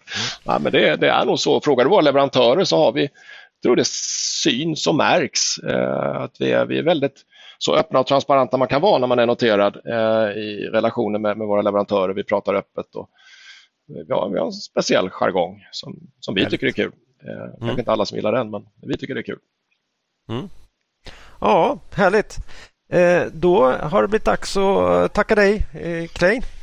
Och Tack själva. Önska, och önska både dig och dina anställda en eh, god jul och ett gott nytt år. Tack snälla, detsamma. Tack säger vi igen till Klein och Aligo. Och här ska vi vara transparenta med att vi äger aktier i Aligo eh, vid tidpunkten för inspelningen av den här intervjun. Så, så var det. Eh, Nordnet då? Eh, januari brukar inte vara årets rikaste månad precis. Eh, det har vår sponsor och eh, preferred partner när det kommer till spar, sparplattformar Nordnet tagit fasta på och fokuserar just nu på indexfonder här under januari. Eh, vi pratar framförallt aktiecase i den här podden, men faktum är att det ena inte utesluter det andra.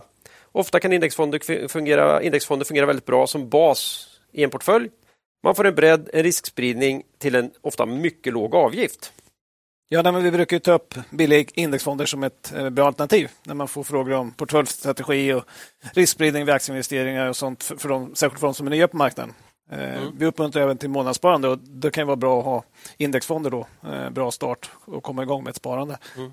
Ehm, sen när man håller på lite längre med aktier då, då brukar vi uppmuntra att kolla vidare på prisvärda fonder med aktiv förvaltning, investmentbolag till exempel eller kvalitetsbolag. Och även aktier i enskilda bolag. Då. Eh, men det är ju ingen överdrift att säga att det finns mängder av indexfonder på marknaden. Olika marknader, index, branscher, avgifter. Det kan vara svårt att välja här. Men det blir ju enklare om man börjar med att välja Nordnet. Ja, då har man snävat in lite. Mm. Va? Eh, Nordnet har ju nämligen ett brett erbjudande av egna indexfonder utspridda över hela världen. Hela Norden, Europa, USA, tillväxtmarknader. Nordnet har också en tech-indexfond och en helt ny global indexfond. Alla har en mycket låg avgift och tre av dem är faktiskt helt fria från förvaltningsavgift. Inte det, är låg avgift. Det är låg avgift. ja, är helt befriad är låg avgift. Eh, med indexfonder kommer normalt en bred riskspridning. Det gäller att titta även här naturligtvis. Mm. Hur, hur, hur, eh, index, hur är det upplagt då? De innehåller ofta många olika innehav. Och Det betyder inte att indexfonder är riskfria. De investerar ofta i aktiemarknaden och kan gå upp och ner precis som vilka investeringar som helst. Det här ska man aldrig glömma bort Nej. när man investerar på börsen. Eh, nytt år, nya möjligheter. Eh, många väljer att gå igenom sina investeringar i januari och säkerställa att man är rätt allokerad och har en bra balans. Har man inte redan ett konto hos Nordnet, ja, då vet ni. Då tycker vi att ni ska öppna ett konto där. Det tar bara ett par minuter, kostar ingenting. Och sen kan ni eh, spana in Nordnets egna indexfonder eller om det finns annat i Nordnets utbud som kanske intresserar er mer. Eh, tack Nordnet, eh, säger vi. Och till er som lyssnar, gå in och se över din portfölj. Säkerställ att den är redo för börsåret 2024. Holdings då? Vi har ju ett samarbete med Modular Finance och de håller nu på att rulla ut den största uppdateringen av Holdings på tio år. Oj. Och det är också tio år sedan det här lanserades då. Så här händer det lite. Eh, fokus i uppdateringen har varit eh, på snabbhet, möjlighet att få ut fler nya funktioner baserade på användarfeedback. Eh, vi upplever att sidan om möjligt blivit ännu mer lättillgänglig med fler fina funktioner som man snabbt hittar. Har du hittat något som du gillar ja, extra, Marcus? Vi, vi, vi, när vi pratade Bergman och Beving mm. eh, för ett tag sedan så, så hittade vi en, en fond som, som, hade liksom sålt ner sig, sen börjat köpa tillbaka och påverka kursen väldigt kraftigt. Eh, och Det är lite intressant om man tittar på fonder på Holdings. Eh, de har information om förvaltarna bland annat. Eh, då kan man se vilka olika fonder som en förvaltare har. Då. För mm. storbankerna har man ofta många fonder. Och då kan man kolla om den börjar sälja ut ett innehav i en fond. Kanske den kommer sälja andra, köpa mm. ett nytt innehav, köpa en andra. Eh, men det går också att följa fondförvaltarbyten. Alltså folk mm. som byter fondbolag och till andra liksom börjar på ett nytt fondbolag. Det är ganska troligt att man kommer då ta med sig innehav som man gillade i, i mm. den eh, gamla fonden. Intressant. Köpa upp i den nya. Kanske kasta ut några av de gamla innehaven som man inte gillar. Mm. Och så, vidare. så här kan man ju tracka då lite grann personerna som byter fondbolag. Mm. Vad de gillar för aktier och då kan man kanske ligga lite före. Mm. Flöden är ju en oerhört viktig del av marknaden och, och kan man hitta flöden som kanske inte direkt har med bolaget att göra Ja. Eh, då kan man ju verkligen göra bra affärer ibland. Ja, och, och liksom, det här är ju flöden, jag ska inte säga att de är prisokänsliga, men generellt sett så har vi nog sett, sett en del fondomplaceringar som inte har varit så känsliga. så att säga. Nej.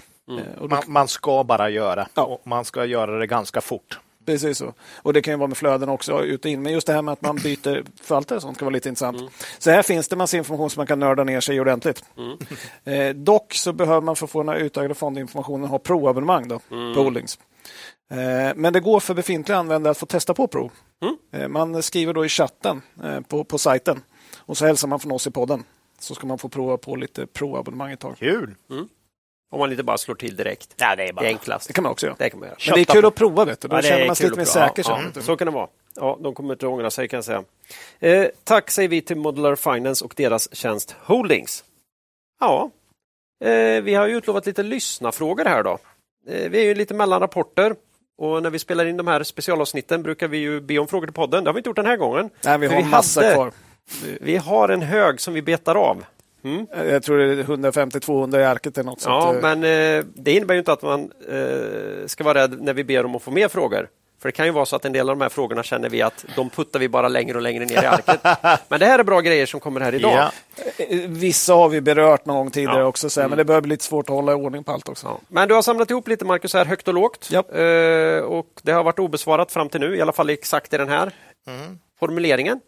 Eh, svaren kommer de ju känna igen. Vi har ju touchat en del, det liksom sam, ja, filosofin har ju inte ändrats, men vi får se. Vi svarar ju alltid likadant, så jag vet inte varför Jag, vi gör det här. jag sticker ner handen i hatten och Kör Ola, kör! Shoot, go! Eh, första frågan här då. Kan, inte ni ta och analysera fler bolag på large cap? Väldigt rak. det var rak. Den var rak och Men det tydlig. får vi ibland. Just det. får vi. Okej. Nej, säger jag. Okej, vi nej. nej. Vi har ju faktiskt Ja. eh, Börjat smyga. Ja, lite Kindred, Betsson, H&M, Phoenix Auto, det är väl large cap. Och så. Vi har ju en del som är och Thule har vi pratat. Så vi, Ni, Nibe tog vi upp. Nibe. Jo då. Vi, vi, vi, ja. vi är inte helt blanka där så att säga. Men, men visst, eh, det, det är ju inte vår preferred eh, lista. Har vi inte tagit upp Evolution också? Jo. Jo. En gång. Vi tar upp sådana här engångsbolag. Ja. Nej, Ja. nej, men alltså, anledningen till att vi inte liksom analyserar fler bolag på large cap är ju egentligen för att vi inte följer dem. Nej, men det är ju så. Så, eh, liksom, och, och anledningen till det är ju att det är väldigt många analytiker och, och ja, duktiga människor som faktiskt sitter och, och följer de här på dagsbasis. Eh, Och lägger ner väldigt mycket tid. lägger ner väldigt mycket tid. Lite svårare att ha en, en edge där. Mm. Eh, känner vi. Eh, kanske så här i stora marknadsnedgångar eh, då, då man mer säljer ner hela börsen, att vi kan köpa in oss lite mer i large cap. Eh, För då är det ju liksom inget bolag specifikt då egentligen. Eh, nej, vi, vi koncentrerar oss mer på mindre bolag då, som också är lite mindre analyserade. Eh, sen har vi faktiskt också en liten bild av att större bolag är lite mer komplicerade. Det är större verksamheter, geografier, balansräkningen, ofta lite mer lite svårare att penetrera. Nej, men så är det ju. Ja. Är- Eh, så att det är väl också något som talar för de mindre, tycker vi. Eh, och så har vi ju kanske den viktigaste orsaken, tycker jag, att de små bolagen har faktiskt lite mer tillväxt i benen Mm. generellt än de stora. Mer tillväxt kvar. Mm. Eh, och då brukar vi säga att man vill ta de här som har bevisat sig. Alltså, Mm. de har kommit upp i en viss storlek och visat att de har en, en modell som funkar. Eh, men inte så stora så att de liksom börjar få någon form av växtverk. Ja. Eh, och där har ju vi sagt då att eh, övre delen small cap, nedre delen mid cap eller något sånt. Men vi har faktiskt rört oss lite uppåt här också längs poddens gång, lite av olika anledningar. Mm. Dels för att vi har blivit lite större som bolag, men också att ja, vi märker att vi påverkar vissa aktier också i podden. ju. Mm. Så det känns väldigt lite olustigt att ta de minsta bolagen, Mm. eh, faktiskt. Även om vi inte säger... Nej. Även Och även om vi inte äger dem så är det- ja. Eh, då kan jag ta nästa fråga, för den är verkligen i, i, kopplad till den här första. En ren slump. Macke bara skjuter helt vilt. Kommer den rak här. Ni pratar ibland att ni letar bolag bland övre small cap och nedre mid cap. Oh, nu ska jag spesas här. Skulle ni vilja precisera mer i hur många miljoner till miljarder börsvärden ni menar här? Med tanke på att det är den här podden så är det väl eh, liksom vad de heter, var i alfabetet. Det är en, det är en annan klassificering. Frågeställaren säger, det kan, kan, kan man säga 750 miljoner till 5 miljarder? Ja, det tycker jag är ett ganska bra spann. Eh, faktiskt. Och eh, Small cap går ju upp till 1,f- nej, 150 miljoner euro. Ja. Mm. Eh, Så det skiljer lite också med euro. Eurokursen. men, men ungefär, jag tycker det är en ganska bra. och- Men sen det här är inget... Alltså, under 500 miljoner, då, då är det nästan för litet för oss. Eh, och någonstans large cap, men just att vi skulle sälja ett bolag för att det kommer upp till 5 miljarder, absolut inte. Eh, har inte med det att göra, men det är ofta där vi, vi, vi börjar leta. Men våra filter på börsdata kan jag säga, där har jag faktiskt nu så att det sträcker sig upp till 20 miljarder. Så att man inte ska missa något fint i nedre delen av large cap. Förstår du? Ja, jag är med. Men, men sweet spot Ja. är väl där någonstans. Mhm. Ja, Och nästa då, kopplar lite till det här igen. Då. Eh, den säger så här. Eh, ni pratar mycket om att leta bolag på small och mid cap och att det är sweet spot för er. eh, nej, men så, så, så är det applicerbart även för investerare som kanske har mindre depotstorlek än vad ni har. Eh, eller så att man ska leta efter så små bolag som handelsvolymerna tillåter. Eh, Eller är det vettigt för en mindre investerare, då säger han specificerat här. Är det vettigt för en mindre investerare att leta efter bolag med god historik och billiga nyckeltal med marknadsvärde på 20 till 100 miljoner euro? Eh, Och då, då är det ju en aspekt som Nej, SEK va? 20 till 100 miljoner SEK. SEK. Ja, ja. Ja. Nej, men det är absolut en aspekt eh, att man måste kolla på handelsstorlekar. Mm. Vi, vi, vi har ju pratat lite grann om det, att vi har gått upp lite i storlek. Mm. Eh, och, och det är ju ofta så att det är lite lättare att köpa när man ska köpa också, än det är att sälja när man vill sälja. Mm. Ja. För då vill alla andra sälja också. Köpa får man ju ofta göra alltså. Det är konstigt det där. Ja, det. Men, men det måste man försöka tänka på säljdelen även när man köper, så att säga. Mm. Eh, och inte fastna i dem där det gick bra för att det var högre riskvilliga och det gick lätt att köpa och så kan man inte komma ur sen. Så att säga. Och det gör att vi rör oss lite uppåt. 20 till 100 miljoner kronor då. Eh, känns lite lite. Ja, men, säg ett 20 miljoners bolag som, är, som har god historik och bi- billiga nyckeltal och ligger på 20 miljoner. Det tror inte jag på. Eh, 20 miljonersbolagen har inte gått bra. Kan vi säga. Nej. Nej, men 20 till 100 låter lite lite, men eh, 20, 200 till 750 då, om vi tar det intervallet. Där finns det ju fina bolag eh, med god historik och sånt, men som vi ändå riktigt, inte riktigt känner att vi kan hålla på med. så att säga. Ja. Men, men där kan ju man leta om man har... Ja, handlar mycket om historiken, att det, att det ändå ska finnas en historik där. Det, det är ju det som är lite grunden. Men finns det det så kan man ju säkert ta ett bolag som har 180 miljoner. Alltså.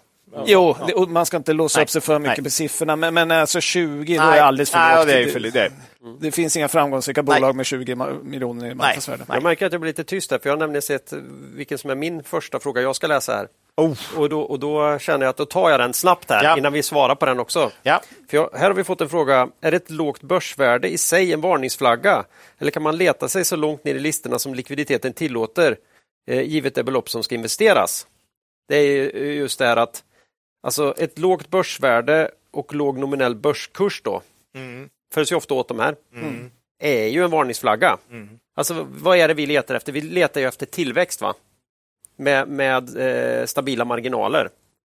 Och är du så här, är du så här 20 miljoners bolag, 100 miljoners bolag, du har ju inte vuxit. Så särskilt. Eller så är du helt ny på börsen. Mm. Vilket är en annan jättestor varningsflagga för oss. Så det blir liksom lite kört. Även om vi skulle ha en, en, en liten hög med pengar som vi säger, det här riktar in sig på riktigt små small cap-bolag, så här härliga grejer. Ja, då kommer vi nog leta på lite, lite längre upp ändå. Man ska ha börjat få igång tillväxten och man ska ha varit aktiva i fem år och sådär.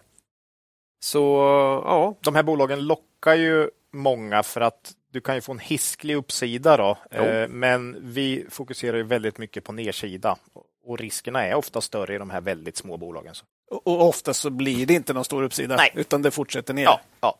Alltså, man har tagit sig till de där låga börsvärdena av Tänk- någon anledning.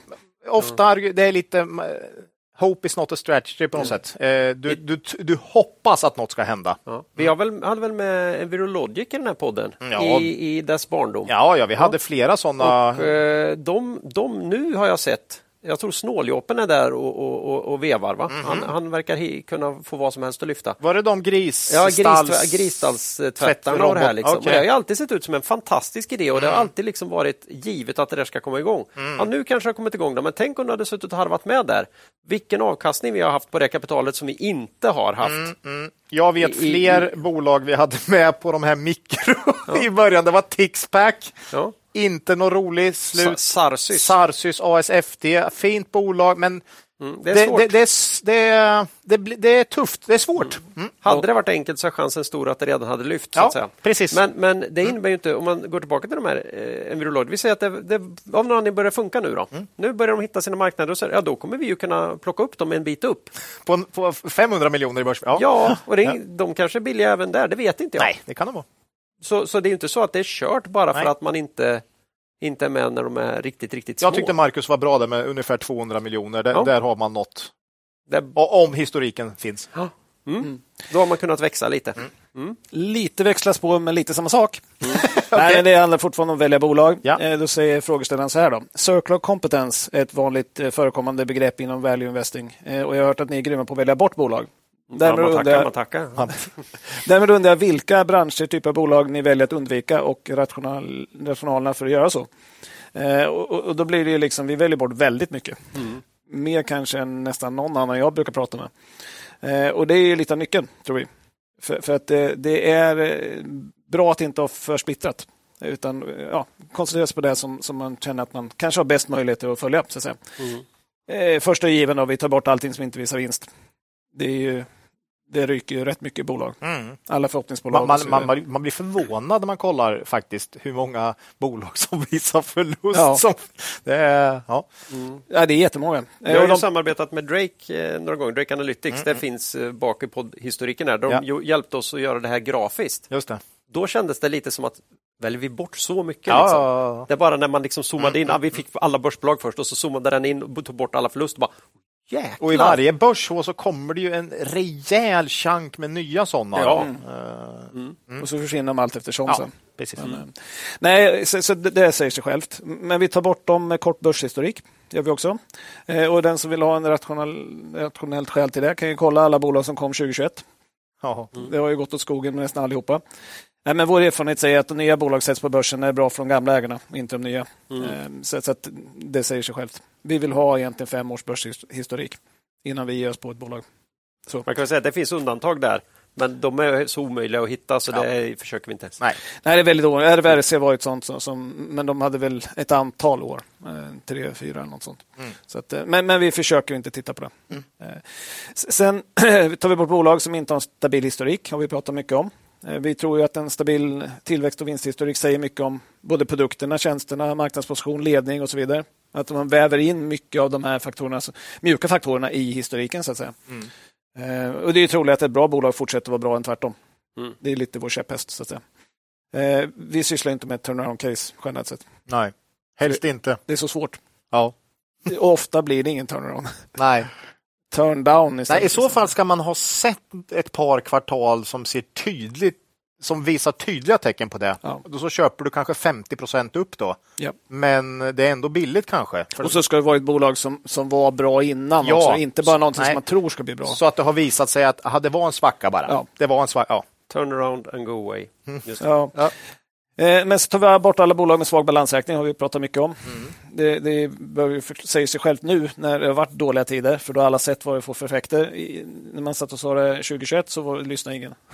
Det var vi väl, ja kanske vi tummar lite på, men den var jag ändå stolt över hur disciplinerade vi var där 2021. Faktiskt ändå. Mm. Det, var, det var en, Jag tror faktiskt om man tittar på vad vi har ägt ja, 2021. Elanders var väl lite Ja. gränsfall, men annars var det inte mycket alltså. Vi var hårda där genom hela den. Men sen lämnar vi dem när Ja, det börjar i- bli ja, för dåligt. Mm, mm.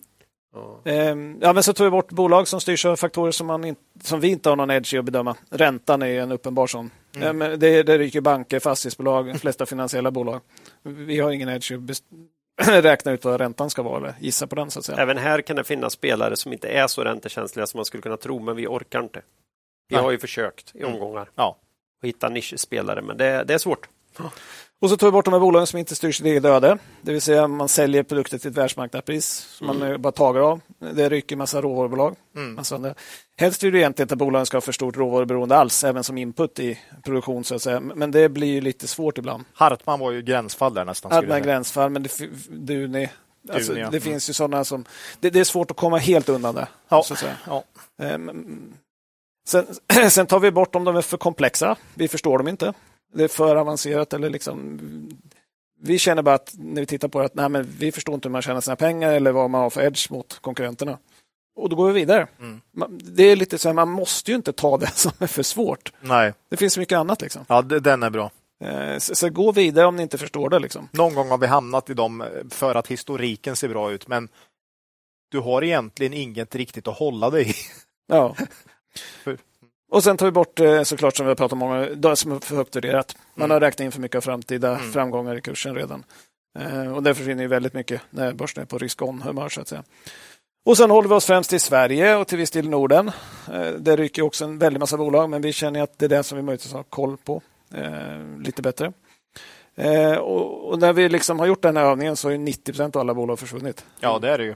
Så att, då, då får vi inte så mycket kvar. Sen har vi, nej, men där har vi ett universum som vi ändå håller koll på och försöker. Och sen kommer det in lite nya ibland. kommer in lite nya Ja. ibland och något Och försvinner. så och försöker sådär. man eh, sprida sig geografiskt, i Mm. vårt fall till Norden i alla fall, så Mm. att han Mm. inte missar något. Och så försöker vi ha de som är bäst inom det universet. Så att säga. Mm. Men vi tror att många skulle må bra av att välja bort mer än de gör. Ja. Så att säga.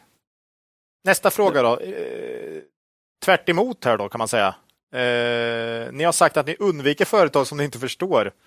Eh, å andra sidan någon särskild sektor som ni känner till extra väl och gillar att investera i. Ja, Det är liksom vad vi då gärna gill- gillar att köpa. inom det som blir kvar. Så att säga. Inom det som blir kvar. Där får jag väl... Ska Industri... vi se hur ärlig, ärliga vi är här då? Ja, industriprodukter är det ofta, skulle jag säga. Det, det är vanligt. Eh, om vi tar med Aligo, VBG, AQ, Kitro, alltså många där. Detaljhandel har vi pratat mycket. Fenix, RVRC, New Wave och så vidare. Björn Borg. Sen stabil IT skrev jag här. Som vi förstår. Ja, kon- konsulter. Tjänster och sånt. Ja, eh, konsulter till exempel. IT-konsulter.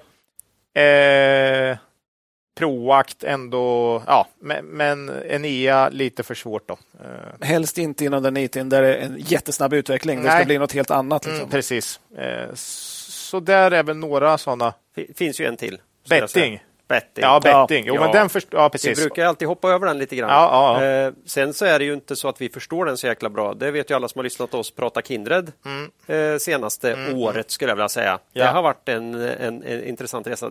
Eh, Grejen är att vi är ju inte rädda för betting. Nej. Så vi vågar vara där när, när många andra bara ratar det. Mm. Och då, Det är ju då, sista året som är svårt. Om man kollar fem år tillbaka Ja. har det varit väldigt bra. Nej, det har varit jätte, jättebra för oss. Men vi, vi vågar ju vara i betting. Vi, vi är så pass kaxiga så vi tycker nog att vi, Mm. vi klarar av att investera där. Men, men lite enkelt, om man tar en större grej, produktbolag Mm. och tjänstebolag, alltså produkter som vi känner att vi förstår och Mm. ja, lönsamma produktbolag. Ja, det, det måste vara där. Mm. Eh, Det är väl varit- våran sweet spot. Ja? Mm. det måste det vara. Mm. Kabe, husvagnar. Oh. ja, men den typen. Mm. Ja, missar vi den här resan. Ja, Ja, med Okej. husvagnen alltså. man ska ha husvagn. Ja, Ja, eller det är, väl, det är väl mest husbilar nu för tiden ja, det är jag. som är avställda. Ja, Tar du nästa Claes? ja eh, hur ser ni på diversifiering i relation till kategorisering? En viktig förutsättning för att kunna diversifiera är ju att eh, kategoriseringen utefter sektor, bransch och så vidare är korrekt.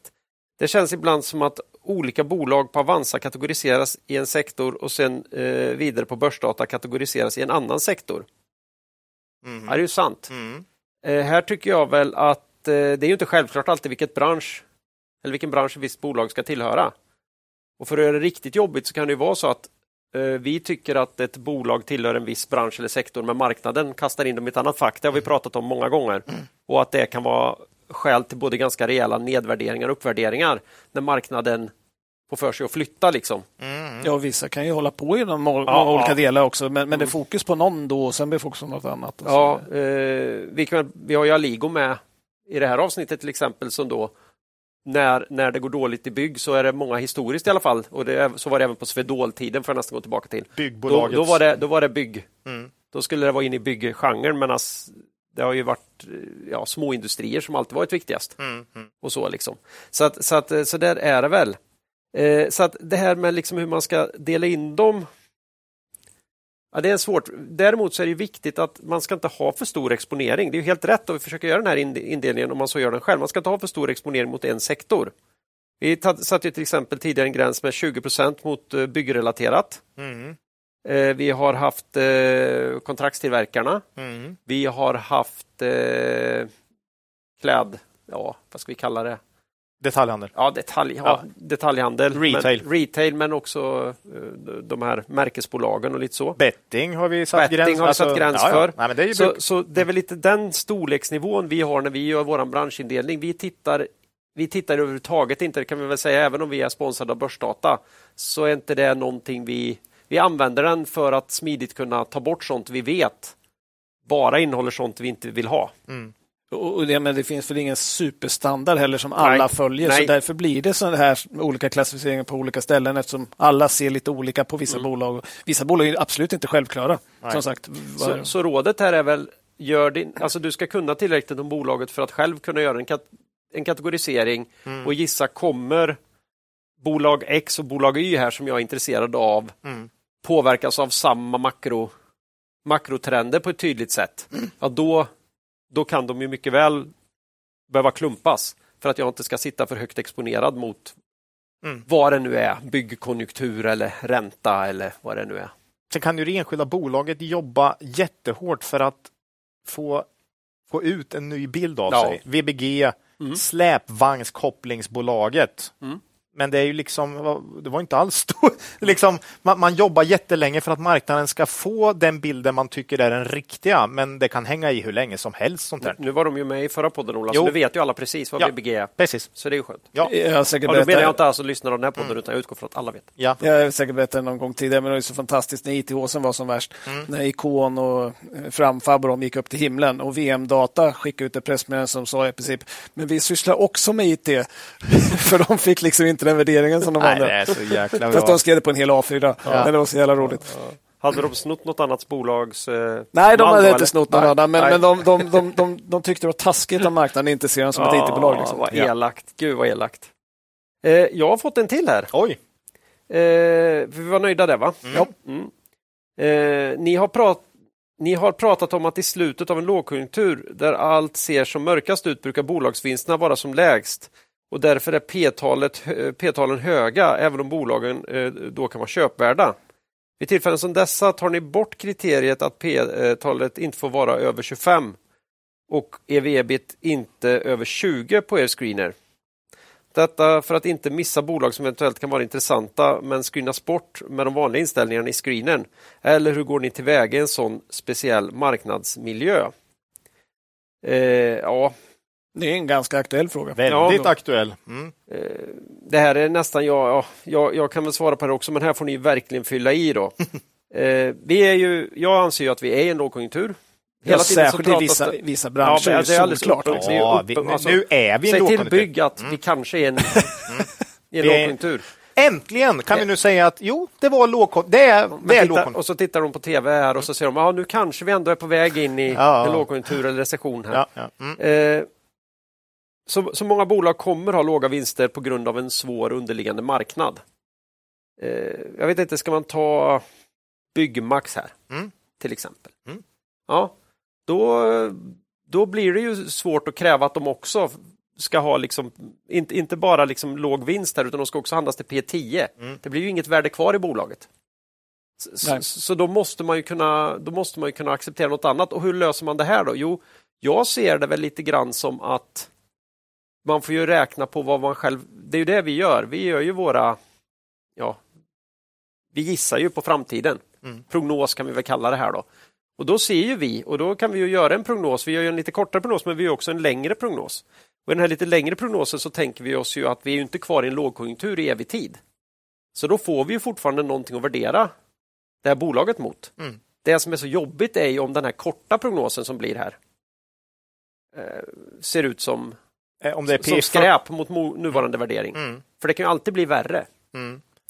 Men, men, men frågan är ju eh, rimligt ställd att ja, när du kanske får flytta upp lite Mm. gränserna för att fånga upp de här bolagen som just nu har en låg vinst. Mm. Eh, Men, men det är ju igen, vi har ju pratat screening är ju bara för att hitta uppslag. Sen kommer du gå in på dem och se att oj, den här vinsten just nu är faktiskt jättelåg. Och så kanske man ser att Mm. just de är jättepåverkade av konjunkturen just nu, men det var bra förut. Mm. Men för att hitta den typen av uppslag, så visst, du kanske får justera lite grann då. Ja, jag hoppade över den viktigaste. Jag hoppade över svaret på hans fråga och gick direkt på det. Tack Marcus. Ja, För det är precis det som är grejen. Så det vi gör är naturligtvis att vi, vi skruvar upp. Är vi ute och screenar i en sån här miljö, sen är det ju svårscreenat. Mm. Det här är ju inte den roligaste miljön att försöka screena nya bolag i. Nej, mycket som är svårt. Ja, så, men, men då måste man ju vara beredd att skruva upp lite grann här och sen får man ju göra sin egen analys då. Mm. Och försöka gissa vad kan hända när det här bolaget Ja, vi, vi brukar, börjar hitta tillbaka igen. Sen är det här, vi, vi, vi brukar på något sätt tro att ett bra bolag kommer tillbaka till sin form av snittlönsamhet någon gång. Ja. Mm.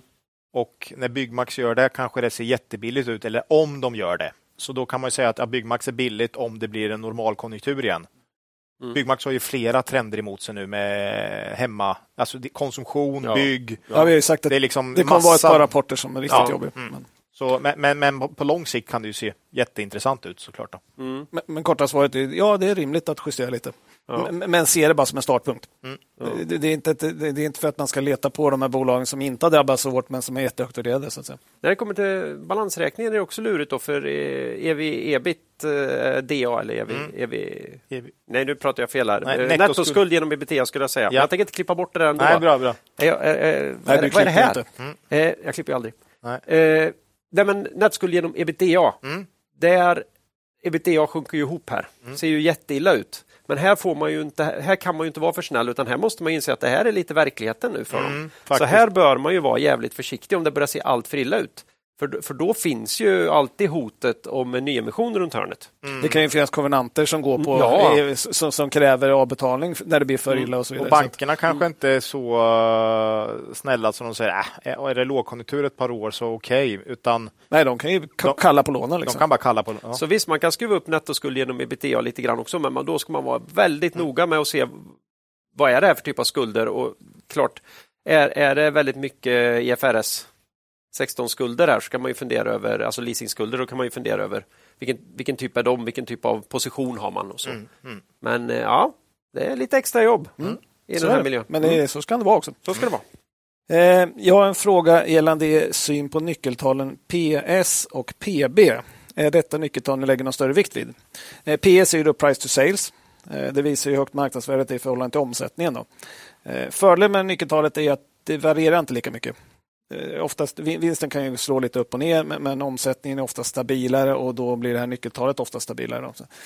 Sen kan det ju vara så att, eh, liksom ett, vi tar det här förra frågan, hade vi bolag som tillfälligt vände till förlust.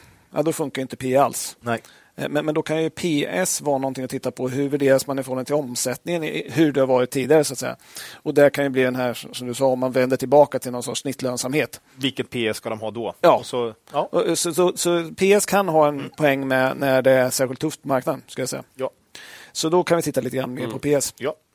Price to book då, det är eh, P, PB då. Price to book. Det är marknadsvärde i förhållande till bokfört värde. Det tittar vi väldigt sällan på. Mm. Och Det här är ju bland annat, vi har tror varit inne på någon tidigare, att IFRS har ju lite grann med alla marknadsvärderingar förstört balansräkningsposterna en hel del. Eh, Fastighetsvärdering verkar gå ut på att man skriver upp marknadsvärdet i goda tider och så skriver man aldrig ner det sen igen. Mm. Det är ju smidigt. Eh, bolags, hur ska man liksom, I bokföringen ha massa skog som man har värderat upp liksom, till någon sorts tänkt marknadsvärde. Hur ska man se på det i förhållande till ett nyckeltal som man använder? Liksom? Redovisning av leasing var vi inne lite grann på. Jag menar, du för upp en massa hyror på balansräkningen, både på skuld och tillgångssidan. Ja, då blåser upp liksom värdena, men det har ju ingenting med värderingen av bolaget att göra. Liksom. Eh, hela redovisningen av goodwill i materiella tillgångar, också ett gytter Mm. med IFRS. Liksom Ja. men tveksam input i en analysmodell. Så att vi, vi tycker undvik price to book. Mm. Titta på balansräkningen för att se är bolaget skuldsatt och kan de betala Ja, sina vi, skulder. fokuserar, vi fokuserar mycket på skulder och vad Ja. det är för sorts skulder. Men price to book Mm. är inte något vi använder överhuvudtaget. Nej. Nej, det är för svårt. Så det är lite kort svar på det. Eh, ska jag ta sista? Ja. Mm. Eh, hur ska man värdera P-historik efter räntans återkomst? Mm. det låter lite som den här Star Wars. ja, det, är otroligt att vi inte har haft någon ränta. Ja, vi har ju haft en ränta, Mm. men den har ju eh, varit noll i princip. Va? Eh, väger, det här är en bra fråga. Mycket bra frågor här faktiskt. Väger ni i nuläget in att räntan är så mycket högre än den har varit tidigare? Eh, Det kan ju tänkas att historiska värderingar av ett bolag inte är helt relevanta i ett läge med hög ränta. Är P10 det nya P15? Bra fråga. Ja, den har vi fått från flera stycken olika. Ja, men det, det här är ju rimligt att anta att värderingarna generellt kommer vara lägre kommande fem år än de senaste tio om räntan nu ligger kvar på den här nivån. Alltså på, på allt annat lika. Och det vet ju inte riktigt Nej. men, om det gör det. Högre avkastningskrav och så vidare. Eh, Men skulle det komma en finanskris här igen, vilket vi inte vet, ja då kanske räntan åker ner igen. Ja. Väldigt svårt det där. Vi brukar ju faktiskt generellt inte flytta våra P tal så mycket. Rätt eller fel. Eh, Man kan ju hamna i en situation där man inte hittar något köpvärt då, Ja. till exempel. Mm. Eh, Men samtidigt får man väl säga att är nollränta en, en uthållig nivå? Det är det som vi har haft Ja, så det visar sig ju inte vara det. Nej, så vi- vi, vi skruvar ju inte upp våra P tal så mycket som jag tror många gjorde här när TINA var There is no alternative. Alldeles, alldeles solklart var det ju så. ja, Men vi, om man tittar på vad vi har gjort så går det tillbaka till 2021 och en bit in i 2022. Ja, då var det få vi sänkte. Mm. Det kan och man- desto fler vi höjde. Ja, vi höjde och tittar ja. du senaste året så har vi inte höjt har vi höjt noll Ja. och sänkt en hel del. av en ren slump. Nej. Nej, så, så vi gör det här, men jag tror inte vi har gjort det fullt ut. Nej. Som man, eh, och, för det här är så svårt, det är makrogrejer. Och nollränta är inte något hållbart, Mm. tycker inte vi. Och, och sen kan man diskutera, det är kanske inte är teoretiskt korrekt, men jag menar, Mm. aktievärdering är inte bara en teoretisk övning. Nej. Sen ska man också tänka, räntans återkomst har ju faktiskt gjort P talet eh, kommer ju in i P talet i, i resultaträkningen också, Ja, eh, i finansnetto här. Jo. Så de med stor nettoskuld och så drabbas ju ganska hårt här nu när räntan kommer tillbaka. Så bara det gör ju att P talen blir högre. Faktiskt. Alltså, Eh, ja, men det stora just nu är väl att det finns ett alternativ till aktier egentligen. Eh, det finns ränta helt enkelt. Men som sagt, vi justerar våra P-tal lite grann upp och ner eh, på räntan, men så här tydligt har det ju det är sällan det. Att Nej. det går liksom från 0 till 4 procent på ett och ett halvt år. Men det som ligger i, liksom, man sa P 15 var någon sorts snittvärdering, ska vi säga P 10 nu, men liksom, vi gjorde inte så stora justeringar på vägen ner. Nej, nej. Och då gör vi det inte på vägen upp heller. Nej. nej. Nej. Nej, jag ska ju vara ärlig med att det var inga stora justeringar, men eh, man hamnar ju i någonting där man Mm. Ska vi hålla på med aktier eller ska vi, Ja, eller ska ska vi vi, skita i det? ska vi simma Mm. klädsim? Ja, Hela. eller bara spela golf. Mm. Jag är inte tillräckligt duktig för det. Nej, jag tänkte klädsim, det kan man ju Nej, kanske. men det går. Mm, det, Det går. går. Ja. Nej, intressant. Jättebra frågor. Ja, tack! Jättebra Ja, frågor. ni får gärna fortsätta skicka in frågor. Ja. Eh, men nu närmar vi oss i alla fall slutet för det här poddavsnittet. Mm. Nästa avsnitt här är ju nummer 159. Kommer ut torsdagen 18 januari och då följer vi upp med lite bolag som blivit över tror jag. Från förra rapportperioden, nej så gör vi något helt annat. Det är svårt Nej, att säga. det, det, är en del som inte har hunnits med. Nej, vi har ju haft nej, liksom, upp intervjuavsnitt och buy and Ja, hold och ja. massa sånt. Så det, Vi rensar upp lite. det finns kvar. Ja, man kan eh, mejla oss på kontaktet kvalitetsaktiepodden.se eller kommentera på X eller på vår hemsida kvalitetsaktiepodden.se. Eh, ja, eget ägande var ju Aligo helt enkelt. Ja. Idag. Det blir kort. Mm. Eh, vi stöttar helt på eget bevåg, bevåg Läkare utan gränser. Organisationen startades eh, 1971 av läkare och journalister som ansåg att det behövdes en oberoende hjälporganisation som talade ut om övergrepp och missförhållanden och satte människor före politik. Idag arbetar Läkare utan gränser i över 70 länder runt om i världen med allt från medicinsk katastrofhjälp eh, till att stärka barnhälsa i utvecklingsländer. Läs mer på läkareutangränser.se. Där kan du också se vad du kan göra för att stötta denna viktiga verksamhet. Och så här på sluttampen vill jag också påminna er om den fina möjligheten som finns att månadsspara i Cavaliers fonder. Det kan ni göra enkelt bland via Nordnet och Avanza. Då även i ert pensionsspar om ni har det där. Eh, Kom då ihåg att historisk avkastning i fonder inte behöver vara en indikator på framtida avkastning och att ni kan förlora delar av ert satsade kapital då fonder både kan gå upp och ner i, ner i värde. Ja, med det vill vi tacka alla lyssnare för den här gången och ber dem komma ihåg att Det är först när tidvattnet drar sig tillbaka som du får se vem som badat naken. Lose money for the firm and I will be understanding. Lose a shred of reputation for the firm and I will be ruthless. I welcome your questions.